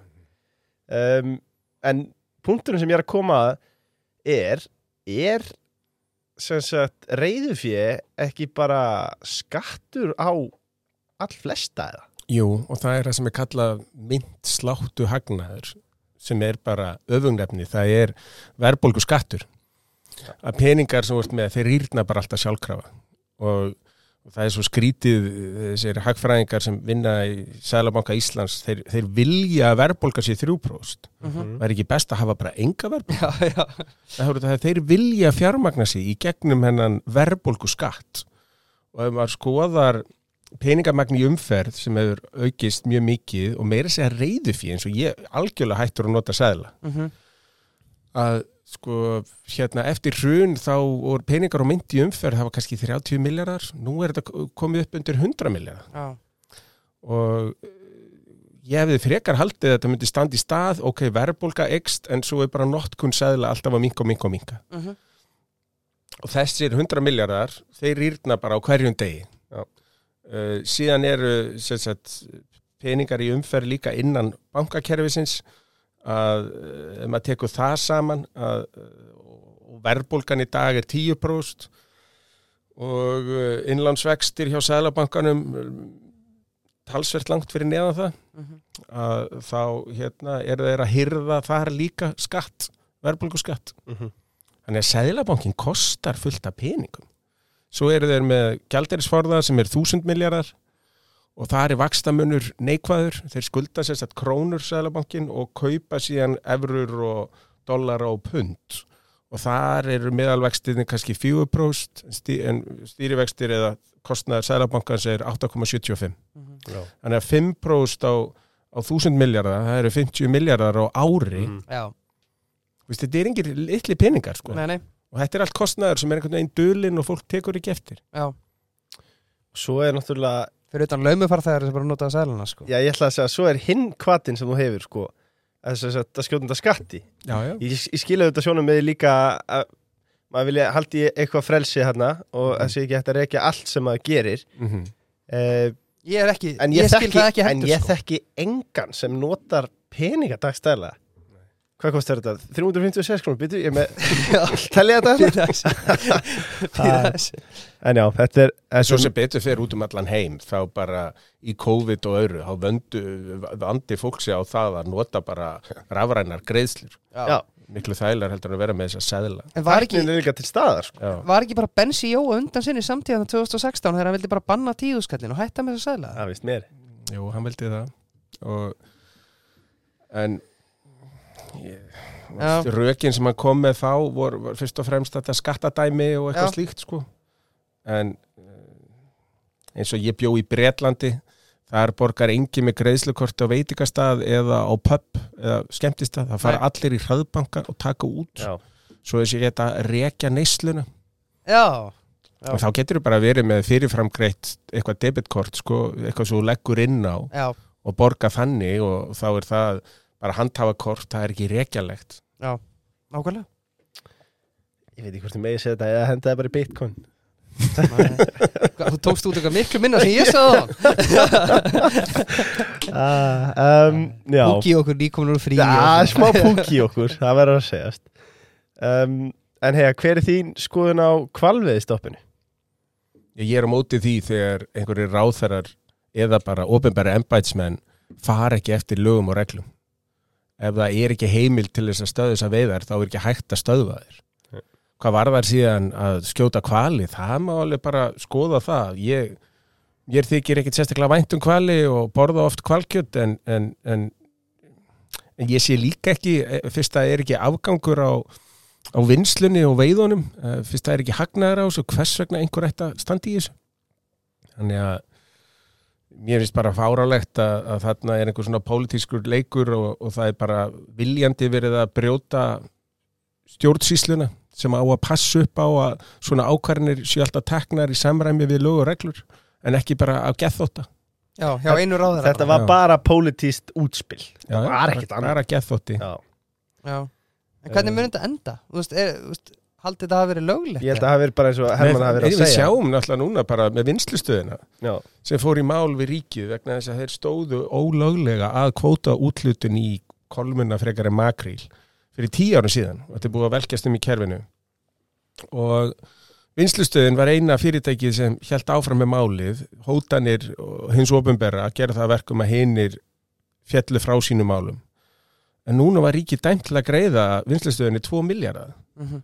Og það opnar á það að þeir séu líka uh, bótaskildir gagvart hinum útgerðunum. Þannig að þetta getur verið 20-30 miljardar. Þetta er ekkert grín. Nei. Hvað var það síðan kvalviðarnar? Það er þá kvals, eða Kristjáns Loftssonar að sína fram á tjóni þar, Já, en hann á sjálfsögða að fá það bætt og, og svo á að vera eitthvað álaga á það. Já. en er ekki brekka að sína eitthvað tjón þegar ásendingarnir allir í mínus eða? Jó, það er nefnilega málið. Bara voru ekki bara að spara þér peninga Svandís var að hugsa um hann Nei, já, ok. já. Um, já, Óli Björn Kárasson ekki sáttur í dag eh, segir Hann var að brjálaður. Svandísar öðrun og aðföra ríkistjórnindi Já. sem að ég er nú ekkert alveg ósamalum í en Nei, en ég, veist, ok, ef við tökum það aðeins við förum aðeins meira inn í politíkana eftir en þú veist, sjálfstæðarflokkurinn hlýtur að vera brjálaður þegar engin þetta kom upp, spurning sko. uh, Svo erum við náttúrulega með eina já eða nei spurningu Heiðar, eiga Íslendingar að vera að veiða kvali? Er nöðsynlegt að skjóta á? Já, Ég ætla að segja já, fyrst að þá er ég ósamála svandísi. Já Gott, gott um, Frumeri, hann hérna hann orri senda mig skeiti í dag og spurði er heiðar ekki öruglega ekki með sjö í endastaf í bílunum sinum? Af því ég hef ekki síðan þá er það örgulega bara 7, þú veist, 2027 eða Já, sko. já, Nei, nei, það er, er null. Eh, Ég er að fara með einmitt til þeirra í skoðun núna. Hvort ég eppa sem já. Já, það var læglegt Í oktober þá. Já, þeir, þeir taka alltaf vel á móti ykkur. Það er býðast, þeir telja niður dagana, mér sko. Já, endilega. Ég er sérstaklega hrifin af Dalvegin hjá Frumera. Já, í samanlegi uh, En ef við höldum áfram í pólitíkinni um, og ræðum aðeins ríkistjórnarsamstarfið Já, nú er ég spenntur. Uh, já, fylgir ríkistjórnarinnar komið niður í 35% og hefur aldrei verið lægra. Allir stjórnarflokkarnir að tapa fylgi. Uh, og ef við skoðum þetta kalt þá hafa samtals 14 þingmenn mist sæti sitt yfir til stjórnarastöður flokkana er þetta kannski bara ótækt að þetta haldi áfram svona? Ég mér finnst þessi ríkistjórn algjörlega ömuleg og ég mér finnst mjög óheppilegt að hennar líf væri, væri framlengt sko. Þetta er svona ríkistjórn sem gerir ekki neitt nema er að kýta innbyrðis Mhm. Vist, einhver svona nöðsynleg langtíma mál sem þarf að fara að skoða hérna það gerist ekkert í þeim á vakt þessarar ríkistjórnar ef hún á að sitja í átta ár þá erum við átta töpuð ár þar sem ekkert var gert Mm -hmm. Mér finnst þá skárra að fá einn reynar vinsturstjórn sem gerir bara tómavillisu Hún Og- gerir eitthvað allavega. Já, og þá, þá, þá reyfist eitthvað pindullin vegna þess að þá næst sér fólk vonandi, kjósendur, heyri, þetta er nú ekki góð hugmynd, við þurfum einhverja ábyrgari sem hugsa til lengri tíma og er ekki að leika sér einhverju líðskurumi og það er nú bara skortur, satt best að segja og slíku stjórnmála fólki þetta er rosalega mikil svona dægurmál sem við verið að tala um og verið að reyna að slá einhverja pólitískar keilur frekar heldur en að reyna að ebla hag þjóðarinnar til langs tíma. Við sjáum það núna bara eins og og nefndum áðan með og rættum alla þessi sem er að flytja til landsins. Mm Mhm. hver, er, hver er stefna þessi opinbera og hver er stefna okkar þjóðar í því? Viljum við að séu miljón manns hérna 2070 Nei, Jón Gunnars var að reyna. Já. En, en, en hann var ekki með einhver svona stefnu. Nei, nei, nei. Veist, við getum sagt, við erum 400.000 núna uh, við verðum 500.000 vantarlega með, ef þetta heldur fram sem horfir bara innan við 10 árum. Mm Mhm. bara 100 ást manns í viðbót. Hva, hvað er að hýsa allt það fólk? Og, og svo líka þegar verða svona miklar breytingar. Hvað verður um íslenska menningu? Hvað verður um íslensku? Hvernig getum við tekið nógu vel á móti fólki sem kemur hérna? Uh, að það bytni ekki á því að veri til tvær þjóðir í landinu. Uh, með því að taka við færri aðilum og gera betur við þá þá eru meiri líkur að þú getur fengið aðkomið fólk til að samlagast samfélaginu eða er okkur kannski bara alveg sama? Það var hérna í krigum 2000 og þá var einhver umræðan það hvort að ætti ekki bara að leggja niður íslensku? Það er svo mikill viðskiptakostnaður að vera með íslensku þetta er bara að tala ensku. Og þetta fannst mér alveg ótrúlegt að, að hérna, Var þetta í alvörunni? Já, já, og viðskiptaráð með þess að komi sitt verslunaráð þá með skýslu um þetta. Og vegna þess að ég hef nú búið eitthvað erlendis og, og það sem er raunmögulega kallar mann til Íslands er menningin, fjölskyldan og tungumálið og þetta tengist allt órjúvanlegum böndum þannig að ef að tungumálið er felt út hvað verður þá um menninguna? Mhm. hún eiginlega bara fellur niður líka og, og þá er þetta lím sem er í samfélaginu, það er búið að losa um það allt saman. Þannig að ég tala nú kannski eins og ég sé einhver áttræður framsóknarmaður að berjast fyrir hönd íslenskunar en mér finnst þetta að skipta máli. Mér finnst bara upp á íslenska brandið, upp á íslenska vörumerkið að, við tölum íslensku og við séum íslensk. Ég er ekki að tala um Ísland fyrir Íslendinga en bara að menningin fari ekki halloka á tungumálið Mhm. það bara skiptir máli og, og þá þarf að hugsa eins út í þetta ekki bara taka við, taka við, taka við fólki og svo, svo bara úps það er bara eitt þriðji landsmanna sem talar íslensku Mhm. Já.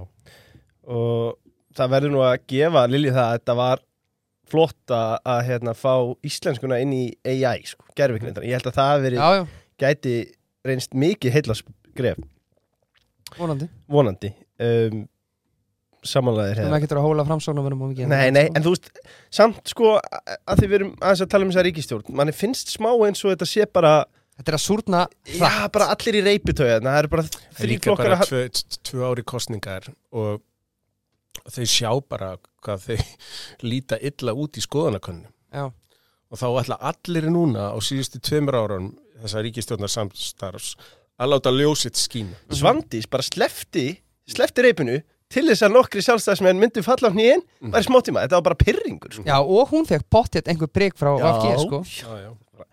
Já, það er komin einhver kerkja þarna því miður og eins og líka bara ef maður skoðar eins og stefnu flokka í einhverjum svona stórum málum sjálfstæðarflokkur er með sín landsfund og það eru álíktanir og eitthvað en núverandi fórustað verist láta sér það í réttu, réttu rú- rúmi liggja og fara ekkert mikið eftir því sem þarna er ákveðið en að, að, að það sé einhver langtíma stefna, það sé einhver langtíma hugsun, það sé við viljum að samfélagi þrói svona en ekki hins einn Mhm.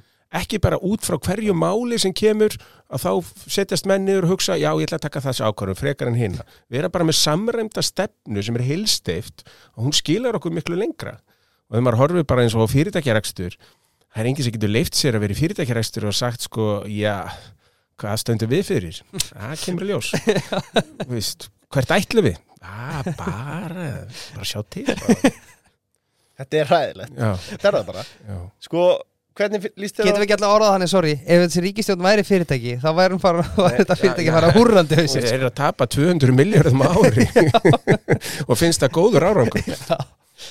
Sko, svo sko maður sko er að því maður sér allan og þetta er þróun sem á sér stað allstaðar að, að fjöldi flokkana er bara orðin meiri og þessi stæðstu flokkar að fá minna fylgi.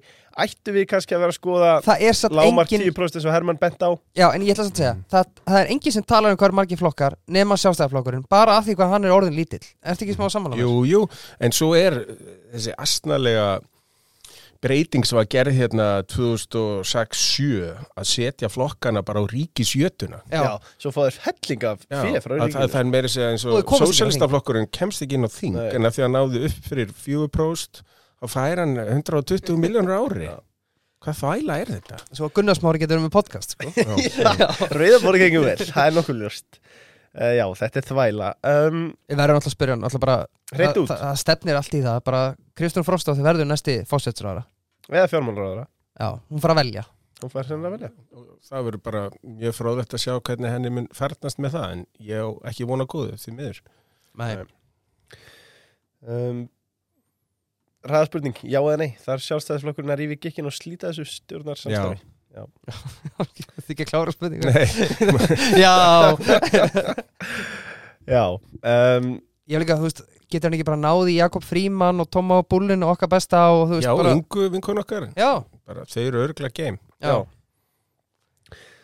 Sko fyrra árunu gegstu til liðsviði hluta hóp í sjóðstýringafélaginu Aldir AF félagi var stofnað í byrjun ás og fekk nýverið skráningu sem rekstraræðli sérhæðra sjóða hjá fjármála eftirliti Sælabanka Íslands uh, hvernig kom þetta til? Uh, einn þeirra þryggja sem stopnuð þetta er gammal vinnu minn úr Vestlandarskólanum og skólafélagi úr Hagfræðinni og mikill vinnu minn og svo voru þetta hans nánustu samstarfsmenn og mér þótti þessu hópur bara að vera sá besti á þessu sviði hér á Íslandi að, og mér finnst svona framtagsfjárfesting það er að segja að fjárfesta í óskráðum hlutafélagum mér finnst hún uh, hljóta að vaksa á Íslandi ef maður skoðar hlutfall, hversu hátt hlutfall uh, svona fjárfestinga sjóða eru að vinna á þessu sviði á Íslandi. Þetta er svona eitt fjórði miða við það sem er á Norrlöndum og Breitlandi og Þýskalandi. Þannig að við erum svolítið langt á eftir hana. Þannig að mér finnst þetta að vera vakstamarkaður, það er fullt af tækifærum og uh, þetta eru bara skemmtilegar fjárfestingar af því þetta snýst fyrst og fremst um að vera áhrifa fjárfestir, að vera rekstrar þáttakandi. Þannig að það þarf að taka stundum í endurskipulegningu en yfirleitt bara í að að byggja upp nýja framtíðasín eins og var að tala ríkistjórnina vantaði og, og nýja áætlun og, og, og sjá til þess að það sé valin maður í hverju rúmi mm -hmm. og þá er þetta bara rekstur og ég held að við munum bara ná ágætis árangri í þessu. Þannig að þetta eru lífyrirsjóður og enga fjárfestar sem setja fjármagn inn, svona stopnana fjárfestar mm -hmm. í mhm. þetta og þetta er tíu ára sjóður Og núna það er óviss um aðganga fjármagni, það er gott að vera með læst tíu ára fjármagn Já. og það er líka gagvart aðalum fyrirtæki sem við erum að vinna með, við erum ekki einhver aðali sem tjaldar til einna nætur, við erum að miskosti alltaf með tíu ára fjármagn. Já. Þannig að það byrjir svona tröstari undirstöðu til að mhm. taka stá við alls konar sem auðvitað kemur alltaf upp. Já. Já. Um, ætlaði fjárfæsti katt, já eða nei? Já, það er bara Ég tók fund með þeim í gerð, ég var ekki maður að segja það. Það er ennþá samlingar bara í gangi. Já, uh, já það er sannlega fara eitthvað fram í hausti. Um, Sko, var það ekki farið að klæja þessi puttana?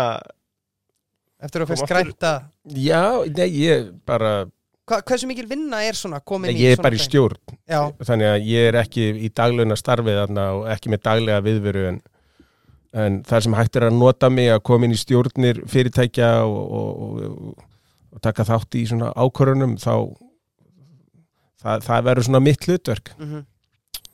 ég er bara mjög spenntið fyrir því mm -hmm. Þeir eru ekkert byrjað að leiðast á daginn eða nokkuð?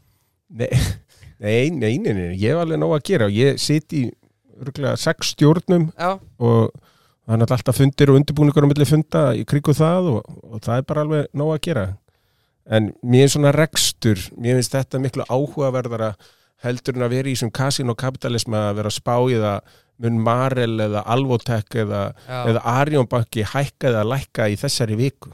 Mm -hmm. ég nenni ekki að vera eða orku í það. Ég, ég er svona að taka þátt í rekstri til lengri tíma vinna ná, nánar með einhverju góðu fólki það er eitthvað sem er gefandi. Já, algjörlega. Ekki spurning. Um, komið að rittara spurningunum Já. Og Payday rýður á aði Já. Akkur ættu fælar að nota Payday Jú, það er hagkvæmt. Það er að spyrja þig. Það er að spyrja þig. Það er hagkvæmt. Það er hagkvæmt, en svo er líka það sem ég finnst svo cool við Payday er að þetta er ekki vefsíða sem að lukkar eins og hafa verið búin til árið 2000 sko. Nei, nei, nei Þetta allt viðmót er mjög notenda vænt. Það er framtíða sín Já, sko. og, og bara setur þetta upp uh, skilmerkilega. Þannig að það leikur einn að færi viðskiptafinni yfir í Payday. Þannig að þú ert með lítið meðalstort fyrirtæki Í Payday strax? Ert ekki að nota Payday, hvað ertu þá að gera? Ekki neitt. Ekki neitt. Ja, Ólíklega. Ólíklega. En Payday rýður á vaðið og spyr Þitt gamla fyrirtæki, sín Tilkynnt í vikunni að sín og Viaplay hafi gert tímamönda samning um, sem felur í sér enga rétt að svölu Viaplay með verum Vodafone og Stöðar 2 og þessi samningur tekur gildi strax í ágúst. Mm. Hvernig blasir þetta við? Þetta blasir þannig við mér að Viaplay er bara að fara út af íslenska markanum. Þeir keiftu efnisrétti, eh, sem sagt KSI sérstaklega, landsliðin í fókbólta og uh, svo Champions League keiftu þetta bara of dýru verði mm. og, og ná ekki endum saman. Uh, höfustöðar fyrirtækisins er í Breitlandi, starfsvæðið samt fyrst og fremst á Norðurlöndum og þeir eru bara í meiri háttar krísu sjálfur þannig að hlutabriðum þeirra út er að lækka um yfir 75% og fórstjóri rekin og núna er bara verið að endur hugsa uh, hjá Viaplay almennt hva, hvernig þeir ætla að nálgast uh, sín viðskipti og sinn markkóp og Ísland er þá ekki lengur inn í myndinni fara þá ekki, ekki menna að telja bönir bara eða? Jú, já, en það er eins og þarna þarna, ég veit ég nú ekkert hvað sín er að borga fyrir til að mynda að vera með landsliði fótbolta. Mm en ég veit að útsending á einu landsleik er 10 miljónir í kostnað. Uh, þú þarft myndatökumenn og pródúsenta og grafíkara og allt þetta og, og dýran teknibúna uh, síðan þykist ég vita að þessir tíu landsleiki kalla sem er á ári uh, að, að þeir hafi borgað eitthvað þar hátt í 80 miljónir ég veit náttúrulega ekki töluna, ég veit hvað við í þetta á sinnum tíma. Og og það segir mig bara þessi business sem Viaplay fór inn í, sko, þeir voru komnir með kannski 40.000 30.000 30-40.000 greiðandi áskrifendur en svo voru margir á einhverjum tilbóðum og öðru. En sko þeir þurftu miklu meira til þetta myndi ganga upp.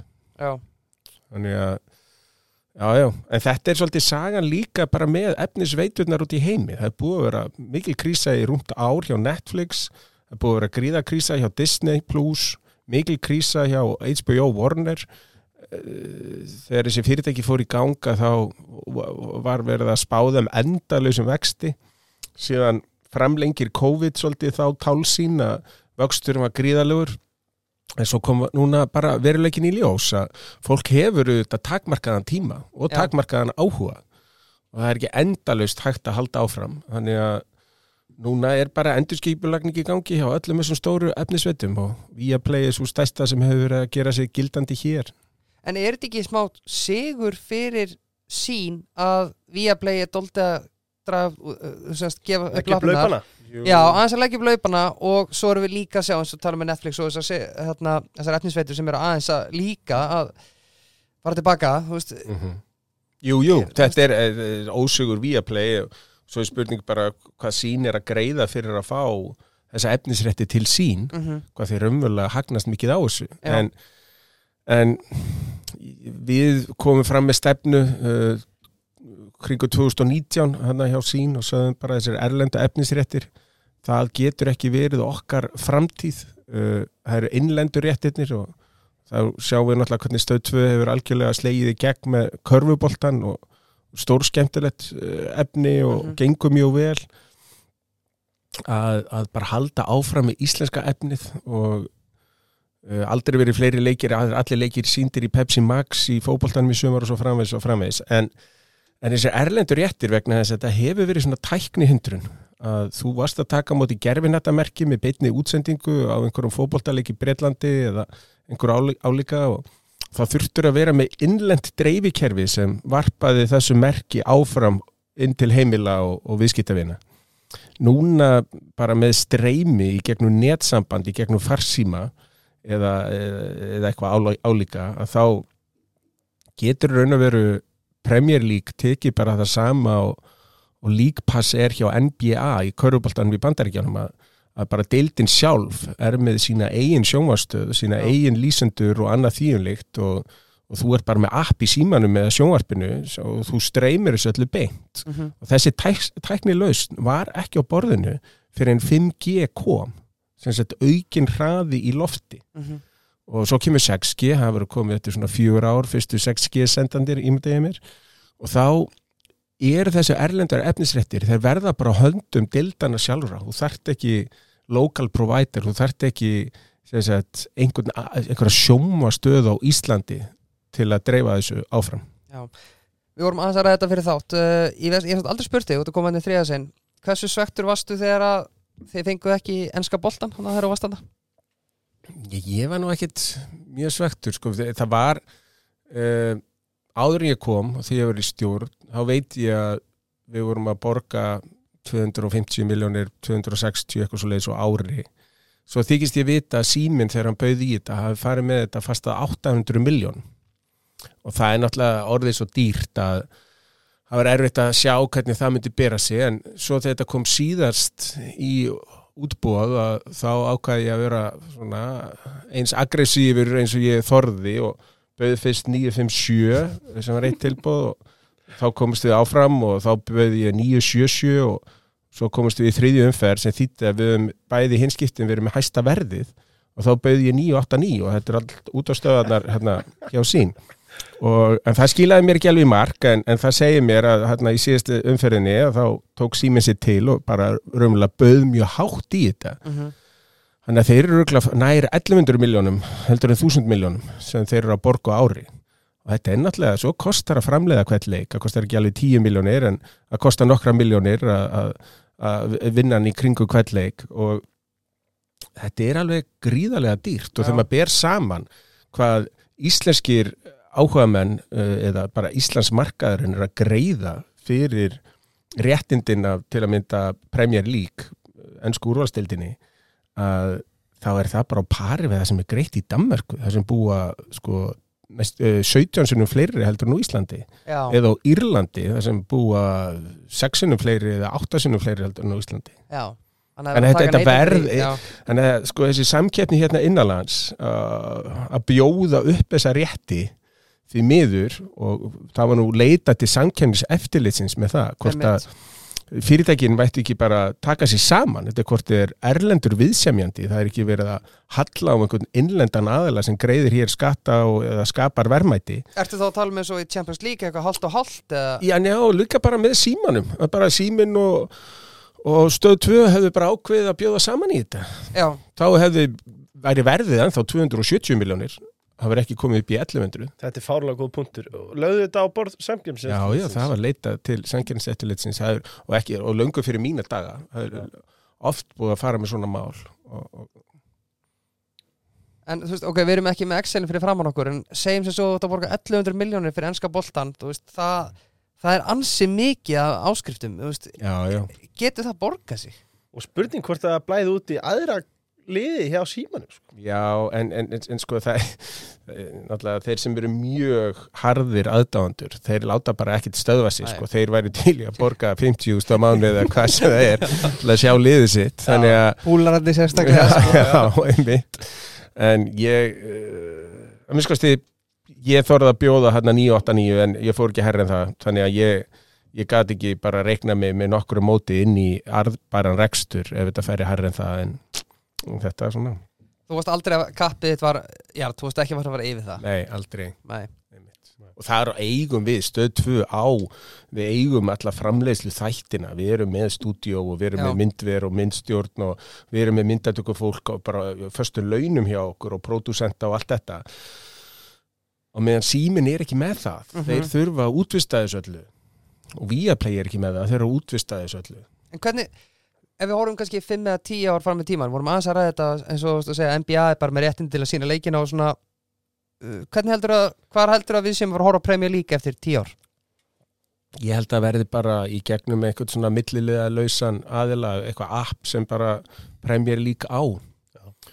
Og það sama verður öruglega með UEFA, þeir bara búa til landsleikja upp og búa til meistaradeildar upp og annað þýjumlikt og til hvers að vera með hennar millilið þegar tæknin kallar ekki eftir því. Já og uh, líka bara gott fyrir bæði neytandan og þá sem að eiga brandið Já, já, og við sjáum nú bara hvað þessi fótboltafélög og íþróttafélög almennt hafa hækkað svakala í vergildi Mhm. vegna þess að núna geta þeir alltaf farið fram á stærri og stærri hlut af tekjón Já. þurfa miklu færri millilið og það eina sem hefur verið menn á að vera að veltaði fyrir sér okkur hvað með auglýsingar það er náttúrulega ve- verðum eftir auglýsingarpláss það er, það er ekkert mál fyrir Google og Facebook og, Mhm. Amazon sem, sem, sem eru með rosalega markas nálganir og, og reka stæstu auðlýsinga byrningar hús í heimi að bæta þessu bara við Já, inn hjá sér Já. Já. Já, þetta er, þetta er áhugaverð þróun uh, að, sem sagt, en hvað, þý, hvað myndir þú halda að það þýði fyrir sín þegar að allt Já. erlenda sportið er bara farið? að. Já. Já, það eru bara öll áhersla lögð á að vera með góða innlenda framlistu. Já. Um, já, þetta, En þetta er eitthvað sem var ákveðið 2019 af öllu fyrirtækinu. Við sáum bara með teknibreitingum öðru Já. að það væri ekki vinnandi vegur að elda hitt. Svo vorum við að stríða símanum með að bjóða á mótaðum hana en, en, en það var aldrei hluta planinu einhvern veginn að fara á kaf í þetta aftur. Já, Uh, en mannstu þegar þú bauðst þarna 989 mm bylgjuna Helst, hvað varstu vissum að það myndi þetta? Ég bara vona að það myndi ekki nást þó að fólki á íþróttdeildinu var auðvitað að vona að það myndi nást. Já, já, en ég sagði bara, vá, þá þarf ég síðan að finna niður. 989 miljónur á hverju ári einhvers staðar. myndir þú segja, þetta er abstrakt spurning og ég byrst fyrirfram afsökunar um, sko í heimi þar sem að tæknin spilar æstara hlutverk uh, við sjáum eins og sín var að reyna að finna nýja tekjumöguleika í, í fjártækninni. Mhm. uh, og bankar eru líka að reyna að finna fleiri lausnir til þess að finna tekjur. Uh, er þetta gangið til skrifa fyrirtæki? Eru bara hægt og róla, deyju Já, það er, það er margt að breytast eins og einhverjir haldaði fram bara að Apple, að við náttúrulega velmöguna samfélagi að helmingur farsíma notandi á Íslandi er með Apple síma. eh, þú finnur þetta hvergi nema kannski í Dubai eða eitthvað Monaco en uh, síðan eru 25% með Samsung og það sem Apple hefur alltaf verið að reyna að gera og, og Peter Thiel hefur einmitt verið að gaggrína svolítið stóru tæknifyrirtæki fyrir þetta er að læsa viðskiptavinni sína algjörlega inni hjá sér Mhm. og það var fyrst reynd með iTunes og, og, og iTunes um tíma var einmitt með NBA-leiki Já. og, og, og reyndi sig áfram með það og, og svo núna með Apple Pay og, svo núna er auðvitað hugmyndin hjá Apple að þegar það kemur eSIM sem er ekki hefðbundi SIM-kort sem, sem er símakortin sem við setjum í símana í dag sem merkjaði inn á farsíma senda hjá uh, þeim þjónustæðala sem voru að nota hvort það er Vodafone, Símin eða, eða Nova að þá er komið eitthvað sem heitir eSIM. Og eSIM getur bara verið þannig að þú getur bara flakkað á milli. Þú þarft aldrei að skipta um kort og, og Apple gæti þannig sagt heyru, við erum með helmingin af öllum uh, í raun og veru farsíma eigundum á Íslandi í viðskiptum okkur út af þessum símum. Við skulum taka yfir farsíma sambandi líka. Já. og þeir treyst okkur fyrir peningunum sínum í gegnum Apple Pay bara þannig að við fyrir bara inn á markaðin og bjóðum bara heru, hérna, Míla sem eru innviðin úr símanum við myndum bara fara til þeirra og segja viljið þið ekki bara sjá um þetta fyrir okkur? Þið þurfi ekki eins og að fara í síman nei, eða Vodafone, getur bara að fara í beint í Mílu. Og þá er bara helmingurinn á markaðinu farin já, og þetta er líka vantarlega helmingurinn sko, meir en helmingurinn að tekjunum af því þetta eru dýrustu símarnir, Apple símarnir. Já. þannig að þetta eru verðmætustu viðskiptavinir þeirra svo má segja. Þannig að þetta er náttúrulega áhætta fyrir þessi símfyrirtæki en þarna ertu aftur að sjá að eitthvað sem þurfti að vera með lokal distributor eins og í, í útsendingum á ennsku úrvastildinni að þú þarft þess ekki lengur, þú getur nálgast beint. Apple getur hérna nálgast beint. Mhm, svo þeir sem fara ganga lengst í þessu segja, já, svo fara þeir að selja tryggingar og þeir fara Já. að selja alls konar fjártækni og þeir geta komið með lán og sparnareikninga og, og tekið að því að hvort sem að síminn minn líta út eins og verið með hann í dag, þetta er náttúrulega bara einhver handtölva með rosalega fínum skjá með góðri upplaust að hvort það mun líti út svona eða einhvern veginn öðruvísi, ég veit það ekki en þú, ná, þú nánast stjórnar öllu lífiðinu í gegnum þetta. Já, og ég get ekki séð að það breytist á næstu tíu árum. Nei, nema það er alltaf fleiri og fleiri þættir sem ganga inn í þetta. Já. En þetta er samt góð punktur hér, Leifur, af því að þú veist, og mér finnst þetta alltaf þema sem við erum búin að tala við heiðar hérna, er að þú veist, að eins og við erum að tala um með sín og svona, það er svona einhvern veginn tekjulegir fyrirtækja er einhvern veginn, finnst okkur að fækka er Já. ekki smá samanlega um það? Jú, og, og, og sko er alltaf sagt bara software is eating the world að bara þessi reikni geta sem er að koma og þessi hugbúnaður, hann gerir það að verkum að það er ótal störf sem verður ekki þörf fyrir í Mhm. framtíðinni og ótal milliliðir sem þurfa ekkert að vera þarna í framtíðinni Þetta leiðir að sér aukna framleiðni, meiri hagvokst, aukin kaupmátt, þannig að við getum ekki verið að sirkja þetta. Svo finnst mér líka þeir sem voru kannski fremstir hann í Kísildalnum og svona útóbíska hugsanir voru að segja að það verður bara massa atvinnleysi í heiminum í framtíðinni. Já. Býtu, núna er atvinnu skortur allstaðar, samt er gerfigreindin að reyða sér til rúms og einhverju segja, en það kemur setna. Jú, en sjáum líka bara hvernig líðfræðin er að breytast, hvernig demografían er að breytast, að það eru nýjastu spátnar eru að það veri færri en 600 miljónir kýmveri hérna á þessari öld. Þeim fækkjum meir en helming Já, og Evrópubúum munir fækka um 40%. Er það spánar? Já, þannig að það er jafn gott að, sko, eins og með Rússland, það er alveg svakalegt það eru um 140-50 miljónir í dag, það er spáð að þeim verið kannski 90-80 miljónir hérna í lok aldarinnar, já, þannig að þegar maður fer að skoða eitthvað svona, það er bara jafn gott að það, tæknin er að koma inn hún er, hún er bara kemur inn á háréttum tíma til þess að að, að, að leysa hennan skort á vinnandi höndum sem er bara fyrir síður Mhm.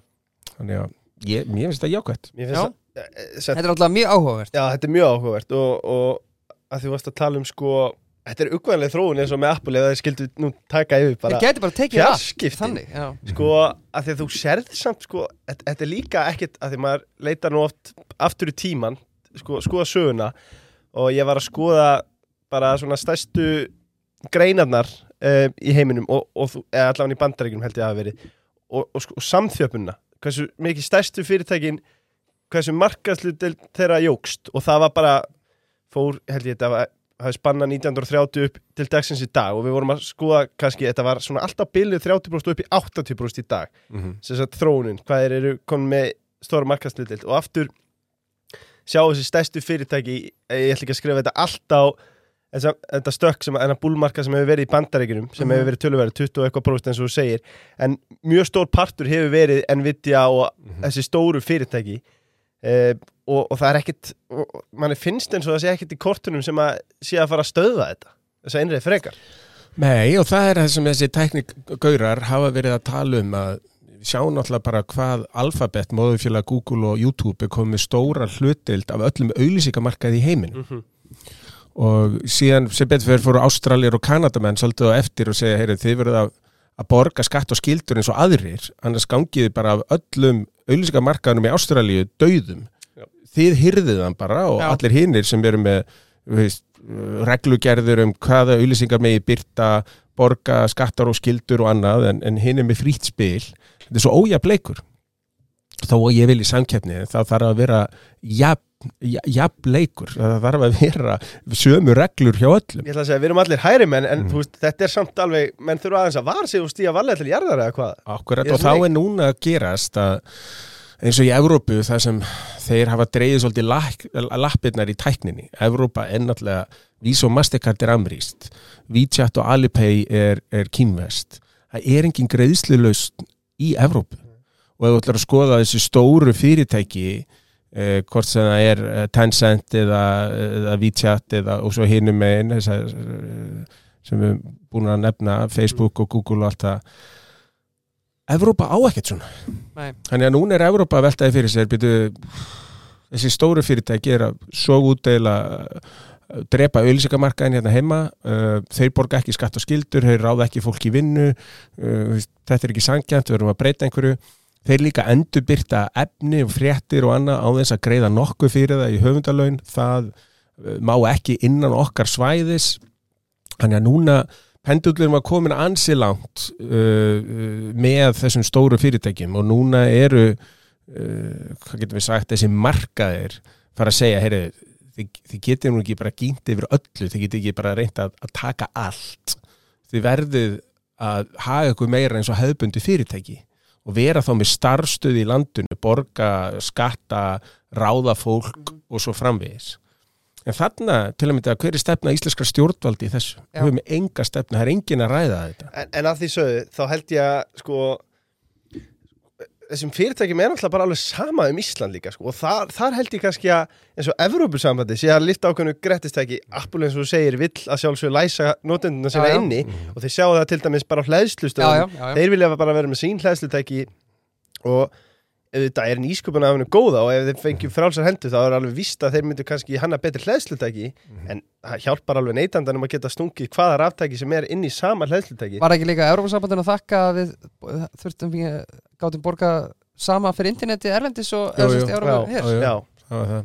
God save the Nei, en, en það, það var náttúrulega engin hemja hvernig var búið að lobbyera og símfyrirtæki hefði gert það að veist, það var ekki búið að samræma neina reglugerir, þetta var svo flókið á milli landa og ég bjó í Svissi mörg ár og eh, ef maður var með sagt, kort frá Swisscom og fór yfir til Ítalíu. Þá var maður bara rændur bara 500 evrum bara samdægus og, og þetta var algjört rugg og, og maður þurfti bara að slökka á símanu sínum að það fara á ellendis að gera það. Já, og, og, og síðan kemur svona business traveler rate og eitthvað og eitthvað og eitthvað. En símfyrirtækin og þeirra svona aðilar voru og lengi bara að reyna að blóðmjólka þetta frekar heldur en að bæta þjónustuna.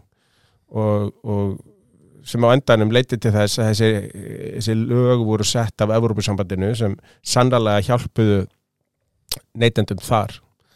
En það er líka þegar við sett lög eins og um geoblocking að núna ef þú ert á Spáni þá getur við verið með stöð 2 appið Já. og hort á Íslands sjónvarp eða síma appið og hort á sjónvarp símans. Uh, hér áður fyrir var að þannig að ef þú varst að sína eitthvað efni þá máttur bara sína það innan þíns lands. Já, einmitt. En Európa-sambandi þrátt fyrir alla sína galla þeir, þeim hefur lánast að gera nokkra hluti sem ga- sannlega hafa gagnast neytendanum Algjörlega. Það verður að gefa það. Mm. Já, já, um, eru eh, við flottir? Já, já, þeir, þeir allavega hafa eitthvað til bórsins að leggja. En, eh, Þetta er náttúrulega búið að vera frábær þáttur og við hefum nokkar hraðspurningar eftir uh, Er rittara spurningar Rittarspurningar afsakið, það er engar hraðspurningar við erum með vinnureglu. Ef kemur, sá sem kemur í þriða sinn Hann þarf ekki að vera hraðaspurningar Nei. Þetta er ný vinnureglu sem ég sett í dag. Að, En það var eiginlega af því að Ég var búin að, sk- við vorum búin að spyrja hana Þetta hraðaspurningar okkar. Við þurfum að uppfæra beisin okkar. Nei, mér langar, sko, mér langar rétt að koma inn á nokkar hluti. Uh, Mér langar að minna á skákbúðuna Ef þið ætlaði að kaupa ykkur skákborð, gera það á skákbúðun.is Já. Við gáum Ólaval í 50 samfélagkjöf Risa skáksett Já. Næst er að þú ert stóramali þá klikkaði hann Eftir svona 10 ár þegar þú eru 50 heiðar. Já, þegar eftir 50 ár Já, það er nær 75 uh, En svo að sjálfsögðu Dominus uh, Gamla góða þriðudast tilbúið Birgir, þú fórst nú í það? Já, ég voru það. Hvað færðu? Herman fór líkið Hvað færðu? Hann gerði það líka? Pepperoni, rjómaðastur og jalapeno Heiðar, hvað setur þú þú mætt vel að þrjára alveg stundur? Dominus pítsuna uh, Pepperoni lauk og hvítlög Já, takk fyrir. Hvítlug, þetta er skemmtilegt. Já, Þetta er aftur gamli skólinn grænlest ég bóra ekki mikið svínakjöt þar. Ég fór hins vegar á tælenska veitingastað og þar var svona reyndýra súpa Já, með kókos í förrétt á tælenska staðnum og frábælega góð sko. Já. Þarna, ég, ég verð að spyrja, ég glemt að spyrja í byrjun. Þarna, Hvar gistir þú þegar þú varst þarna? gistum á hótelum bara sem voru bara fín. Já, og bara takja herbergja eða veist, tvö rúm og, og, og klósett og sturta og þetta er bara eins og sveita hótel hér sko. Já, bara það er eftir bara ekkert vesen, bara hafa lokaðan gluggan svo moskíturnar kem ekki og myndi ég það mann. Ætlað þú að vera með svona hópa ferðarangað? nei, nei, ég ætla ekki að gera það. Nei Við fáum kannski að slæta með eitthvað já, já, já. Já, við þurfum ekki að hafa Við þurfum að bóra þess Já, við þurfum að setja okkur hattinn. Uh, En áður komum að reyta spurningum þá má langar við líka að minna á bónus.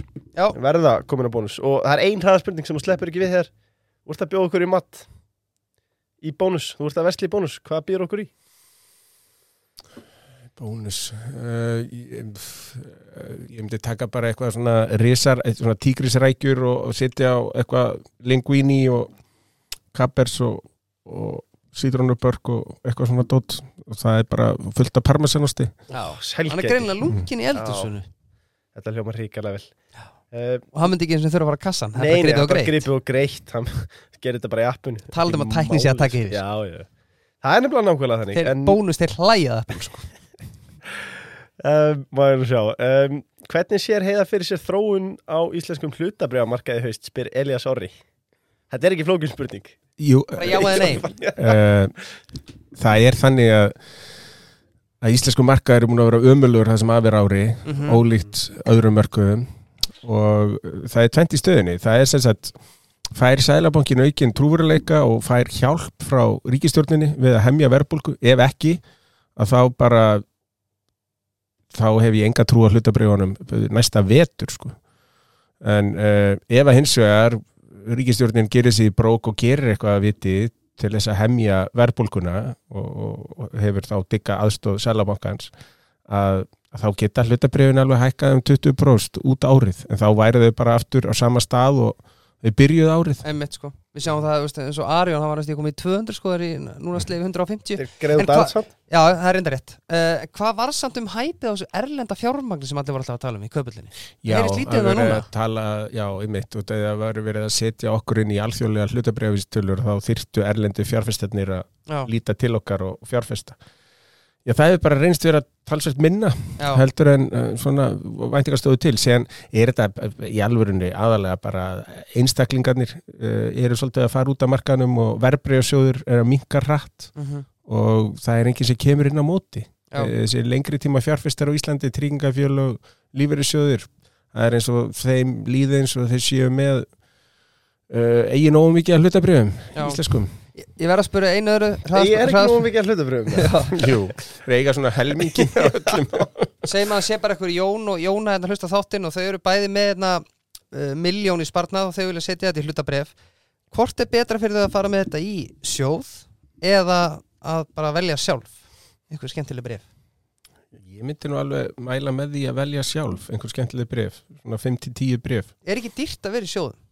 Jú, og sjóðurnir hafa nú ekki verið að sína sérstaklega góða ávöxtun heldur. Nei, þannig að ég, ég síðan bara hefur fólk gott að því að fylgjast aðeins með aðtunlifinu, greina fyrirtækin sjálf og, og þetta verður verður miklu meira gefandi ef að svona, vinnu vinnuna sjálfur. Algjörlega. Saman uh, Er Kristrún Frostadóttir góður hagfræðingur? Spil Pálmið Þórsson?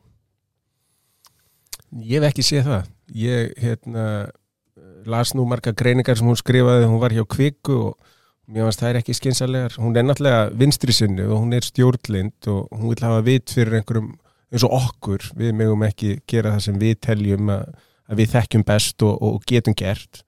Hún ætlar að taka ákvarðanir fyrir okkur. Þannig að þetta er svona hagfræði sem vinstara fólk og sósialistar og sósialdemokrater eru oft hrifnir af en, en gengur ekki vel upp Uh, það er einmitt önnur spurning hérna. Uh, Hvað er kínesísk hagfræði og af hverju gengur hún ekki upp? Keynesísk hagfræðir eftir John Maynard Keynes sem var reyndar eitt stæsti spákaupmaður á gjalderismarkaði hérna, áránum milli stríða og fyrir, fyrir heimstyrjöldina mjög merkilegu maður uh, lifði mjög óhefbunnu lífi. En hann sem sagt skrifar tvær bækur sem verða mjög merkilegar og, og, og, og útbreyttar en síðan hafa Keynesistar uh, það eru þeir sem kenna sig við Keynes þeir taka hans hugmyndir finnst mér afbaka og taka og, og, og færa allar til vinstri uh, og þannig að Keynes er ekki jafn slæmur og Keynesistarnir þeir sem, sem eldan í einu og öllu Nei Já. um, Jóhann fann að spyr Pældur einhvern tíman í að reka auðvitað blöð? Nei, ég finnst auðvitað blöð alveg stórkóslegur samstagsmæður hann er rosa samviskusamur og duglegur, einhver geti hugsalega haldið að hann væri einhver galgopi og væri óáreðilegur, sko, hann er það alls ekki. Þannig að það er frábæð hann og steindi þarna tveir saman eins og ólíkir og þeir eru, þeir vinna alveg ótrúlega vel saman. Það kom aldrei til greina. Nei, Nei, þetta var góð spurning hjá hann og Jóhanni. Nei, það kom ekki ekki reyni Baldur hjá bónus, hann, hann heggur enn frekar á þetta. Hann spyr, hverju er svona mikið bíf millir þín og Kristrúnar Frosta? Okkur byrja Kristján Frost að haustum maður? Nei, hún býr ekkert í hausnum, ég hugsa aldrei um hana nema því ég kem til ykkar. Þannig að ef ykkar hún búi hér hjá ykkur. Hún gerir það Hún gerir það Já, já. En við rukkum hann líka um leigu senast þegar hún kom. Já, Hún gerir það, já, Já, um, borgar hún leigu Hún, hún gerir Í það haustum á okkur, já, Já, já, já, þú já, gerir það sko. Um, Jóhannes Birgisson spyr þurfum við ekki að fjölga opinberum starfsmönnum eða ríkistarfsmönnum til muna? hvers vegna ættu við að gera það? Ég held hann sé nú að grína Já, já, hann er að grína nei, nei, það er sem sagt við vorum að tala um gerfigreind, við vorum að tala um sjálfvirknivæðingu og, og hvernig svona tæknin er að leysa ýmislegt fyrir okkur. Að svona sjálfvirknivæðing á hvergi betur við heldur en hjá ríkinu. Já. það á að vera hægt að bara fækka starfsfólki hjá ríkinu og hennu opinbera um 40% bara á örskamum tíma. Og það myndi bæta þjónustuna minka uh, mistök, fækka þeim uh, og, og auðvitað spara alveg heilan helling og það er ekki oft þar sem þú bæði færð miklu betri upplifun viðskiptavina, miklu betri þjónustu og borgar miklu, miklu, miklu minna fyrir það. Mhm. Þannig að uh, það er ótrúlegt hvað þetta er komið eitthvað skamt á veg hjá einu ofinbera. Hvað eru ríkistarsmenn stór hlut af kökun núna? Ekki 20% eða eitthvað? Já, meira. En það er líka sko, Þetta ertu með leikskóla starfsmenn jú, jú, jú, og helbriði starfsfólk Já, og já. svona sem er í ummönnun og þjónustu. Erum við ekki að tala með þessa plain ríkistarsmenn eða svona Nei, en svo bara fjölgar þeim flestum. Það er, það er langmest fjölgun hjá þeim sem er í yfirstjórn einmitt og eru að vinna fyrir einhverja nefndir og einhver ráð og, og guðmá þetta hvað. mannréttinda stofa Reykjavíkuborgar Já, sem dæmi og, og það má alveg auðvitað, eh, bara lesa lögin um sveitafjölög hvað er, hvert er lögbundi hlutverk þeirra Mhm. það er bara eins og sjáum fráveitu, sjáum skólp uh, hittaveitu, rafveitu eru þeir að standa sér vel í þessu? Nei uh, sjáum leikskóla, skóla eru þeir að standa sér vel í því? Nei, þetta er mér um enn að miklað og svo ef þetta er opið að þá eru miklu fleiri sem þurfa að sækja þetta heldur en koma að stað eins og í leikskólum þannig að þessi, þessi bara, grunnskildur sveitafélögin og sérstaklega Reykjavíkuborg er bara ótrúlegt hvað þið komast upp með að vanrækja þessar skildur sínar. Og, en með gerfigreind þá er þetta að fækka ofinbjörðu starfsmönum alveg gríðarlega. Öllum til ánægju held ég og indisöka En var samt ekki gott að Dagur B. og Einar Þorstins þeir tilgjöndur náttúrulega daginn að þeir að hætta að ráða fólk á óþörfu? Jú, það er ótrúlegt að þurfum við að taka það fram. Það er bara alveg stórkostlegt. Segir það ekki ýmislegt? Jú, jú, en svo halda þér áfram bara að ráða eitthvað fólk sem er algjörlega óþart Já, ég sá reyndar bara á Alfreði síðustu viku skrifstofustjóri yfir skrifstofustjóra. En þetta er held ég manns, mannskemmandi að setja einhvern í svona starf. Já, þar sem þú, þú hlýtur að átta þig á því að þú ert ekki að gera neitt. Nei, já. Nema bara að búa til kostna Já, bara, já, já, því miður. Um, Þetta er sorglegt. Dagur B. Eggertsson eða Kristján Frostadóttir Kristrún. Uppáhalds fórsetisraður í sögunni spyr allir hafn Íslenskur og erlendur. Já, Churchill. Og, og íslenskur? Já, íslensku Já, já, já. líka. Já, ég hef ekki þekkt á marga. Það er ekki bara getið? Davíð sé ekki Já. bara Já. Þannig er næst mann í tíma Félagi kaupöllin í dag uh, Það er verið að þú ert að stara niður byssulöpið segir á sig á Dominus Já, ég Það er verið að first north markaði kannski? Ég, ég, ég, ég er náttúrulega mjög hrifin að Amarok og mér finnst það Já. ótrúlega ódýrt félag og, og, en það er því marki brent að fæstir íslendikar að nokkuð mann komi nálægt svona frumefna vinslu eða námu vinslu þannig að en, alveg jafn áhugavert fyrir því. En síðan finnst mér bara mér finnst sjáurútsfyrirtæki, mér finnst brim alls ekki vera dýrt mér finnst síldavinslan vera allt í lagi mér finnst eh, ég er ekki hrifin af þessum fastegnafélögum en Mhm. mm. bankarnir Arjónbanki, Íslandsbanki eru ekki dýrir en ég myndi aldrei kaupi þeim eitthvað til langstíma en bara tekja þryggjára eitthvað svo leiðis en ég er ekki að kaupa hlutabrif öðruvísi heldur en ég geti hugsað mér að eiga þau í 2-3 ár Já. að lámarki annars bara sleppi ég því. Þannig að Ég verð að spyrja því við erum með því hérna uh, Alvo, þitt ekk nei, ég kem ekki nálægt því. Það Já. er náttúrulega Jákaða fréttir í síðustu viku Já, ég held þetta að vera neikvæða fréttir en ég skildi ekki hvað svona gengið hækkaði að þið þurfti að sækja sér aukið fjármagn. Það allstaðar, ja, öðrum mörgum þá því það gengið hlutabreyfana hrinur að því allir vita nýja, nýju peningarnir sem eru að koma inn að þau þurfa að koma inn á afslætti. Já, eða með sérstakun réttindum sem eru umfram réttindi sem aðrir hafa í dag. Að því, að því við erum með marga ungar hlustendur uh, að, og ekki bara ungar hlustendur menn, sem, menn og konu sem er að fjárfesta í hlutabrifum og annað sem hafa áhuga á þessu allavega. Uh, þarna er Robert Westman segast að hann er sko, líklega er þetta jákaða fréttir finnst markaðunum að því að Robert Westman er sjálfur að eða sínum peningi að fjárfesta í þessu félagi, er það ekki? Jú, en byggust menn ekki við því? Ég meina hann kom í viðtal í apríl og sagði að þyrfti ekki einu svona að sækja sér fjö Mm -hmm. núna kemur hann bara þrem mánuðin setna og segir jú við þurfum að sækja okkur fjö og ég ætla að vera með og, og ég fannst það nú einhvern veginn borleggjandi að það yrði. Mm en þessi livjabransi náttúrulega hann er miklu flóknari heldur en námubransin sem ég var að já, tala um áðan. Og þarna er samkeppnin gríðaleg og það skiptir rosalega miklu máli hvena þú kemur inn á marka einmitt. Hvort þú sért nummer 2 eða 1 eða nummer 7 eða 8 já, og það er alveg ljóst að þeir verða nummer 7 eða 8 núna, verða ekki nummer 2 ef að leiðið kemur í fyrsta lægi um áramót. Já. Þannig að þá er, er, er mesti safinn farin úr þessu. En þetta er samt góða punktur af því að margir segja já ég ætla að halda í brefin af því að svo þegar FTA er dettur og þá, en eins og segir, þá eru kannski langmesti djúsin farin úr þessu. Þannig að þeir fá kannski í staðis að fara inn og bjóða liv með 30% afslætti þá kemur svona sent inn að það ert að bjóða með 70% afslætti. Já, sjáðu hvað munurinn er mikill. Algjörlega Uh, í hvaða sæti mun Arsenal lenda á næsta tímabili? ja, toppa, bara verða ja, fyrsta seti Já, ok, Uh, svo setja ykkur pening á það strákar? Arsenal eða Chelsea? Nei, veða bara lenginni Já, það er. Já. Hérna, ertu samt sko í fúlustu alvöru, ertu ekki ánægð með stöðuna sem Arsenal er í, í Jú, jú, jú, jú, bara með skemmtilegt ungt lið sem spilar þjætt saman en þeir hafa náttúrulega verið með rosalega grunnan back þannig að einn hefur vantað að þá er eiginlega allt í hers höndum. Já. og það er vandamálið að meðan mann sitt í bara með þrjú lið Já, já. sem getur öll verið í úrvalstildinni í topp 10 En samt bara með 117 ákjærur á sér. Já, já. Já, þeir náttúrulega vinna með svindli. Það væri glatað ef maður ætlaði að reyna einhvern veginn að halda öðru fram Já, já, Uh, en sko, ok, þeir eru búin að, sko, City er búin að missa Bernardo Silva og Ilkay Gundogan, þeir eru búin að bæta við ykkur Declan Rice, Declan 105 Já. miljonar og punta. Eina gæðinu sem gæti eitthvað í Chelsea Kai í Havertz. já. mm Þeir eru bara með bestu miðinu deildin í dag, það er bara krafa það að hefur verið sko vörnin og hún er brottætt hjá okkur. Þannig Já. að það þarf að setja aðeins pening í það fættalega. Já, ég held með ykkur. Já, þakka þér. Hvað ætlar að taka marga leikir þessi? Emirates? Nei, ég, ég fer kannski á tvo leiki eða eitthvað Já, og ég, ég í alvörinu horfi bara í mestalagi á kannski tíu leiki.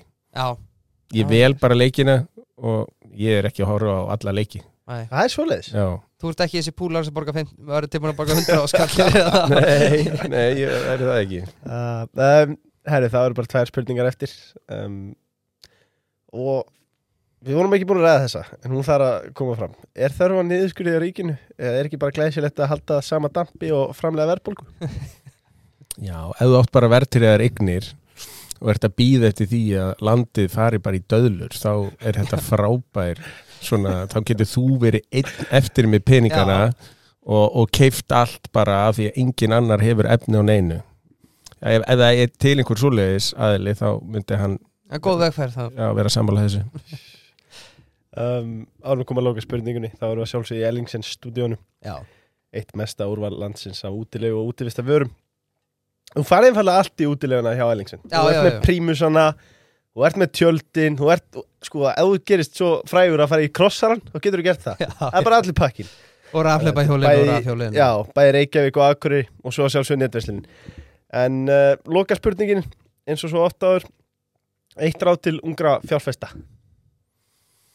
Já, eða Ég, ég, sko, sem sagt, ég veit ekki hvort ég var mun að fara yfir þetta með ykkur áður, sko, það ég, ég var eitthvað að hugsa hérna, um ávöxtun almennt og ég var eitthvað að pæla í því, þessi peningar sem ég er að sýsla með, þessi peningar sem ég verið að sýsla með fyrir aðra, hverjir hafa vextir verið á þessu, Mhm. hver hefur afkoman í raun og veru verið.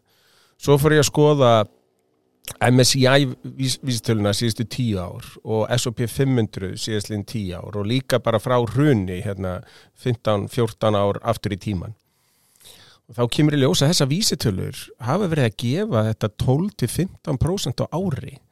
Og MSCI eh, sem sveiplast aðeins minna breyðari vísitala, bara heims vísitala hlutabrifa, hún hefur verið að gefa bara 10% í eurum eða dólar á ári. Og þá fyrir stundum að pæli hvað er ég að gera? Og Já. ég ekki bara kaupi þessu Og hallaðir aftur? og halla mér eftir og horfa mér á Arsenal? Já, já. Kannski 15 leiki? Já, já. Nei, sko markaðinni virkuðu þetta þannig að það er alltaf ný og ný fyrirtæki að koma inn og eldri fyrirtæki að dett út úr vístölunum þannig að það er endur nýjast svona sjálfkrafa, svo má segja kannski vaksta hröðustu fyrirtækin eru þau sem þurfa mest á fjármagna halda þannig að þau fara inn á markaðin þannig að það er svona náttúruval, þú ert eiginlega alltaf með mest spennandi fyrirtækin inni á markaðin Mhm. Þannig að ég myndi bara segja við unga fjárfesta bara að leggja til hliða reglulega og kaupa einhverja svona stóra breyða vísitölu. S&P 500 eða MSCI miklu frekar heldur en íslensku breyfin Já. En í dag er líklega ansið sniðut líka greiðinuður lánið eða hvað, Það er alltaf best. Það er alltaf best Já. að vera skuldlaus. Byrja því og svo fara pæla einhver öðru. Já, það er hérna þýskum málsattur, það er betra að sofa vel en borða vel maður á ekki að vera að rempast og rempast og rempast og deyja svo úr stressi af því að maður sko, bara gera þetta með hægð og, og spenna búan ekki og hátt. Já. Heiða Guðjónsson, takk kærlega fyrir kvöldið. Já, takk kærlega Takk fyrir að fá mig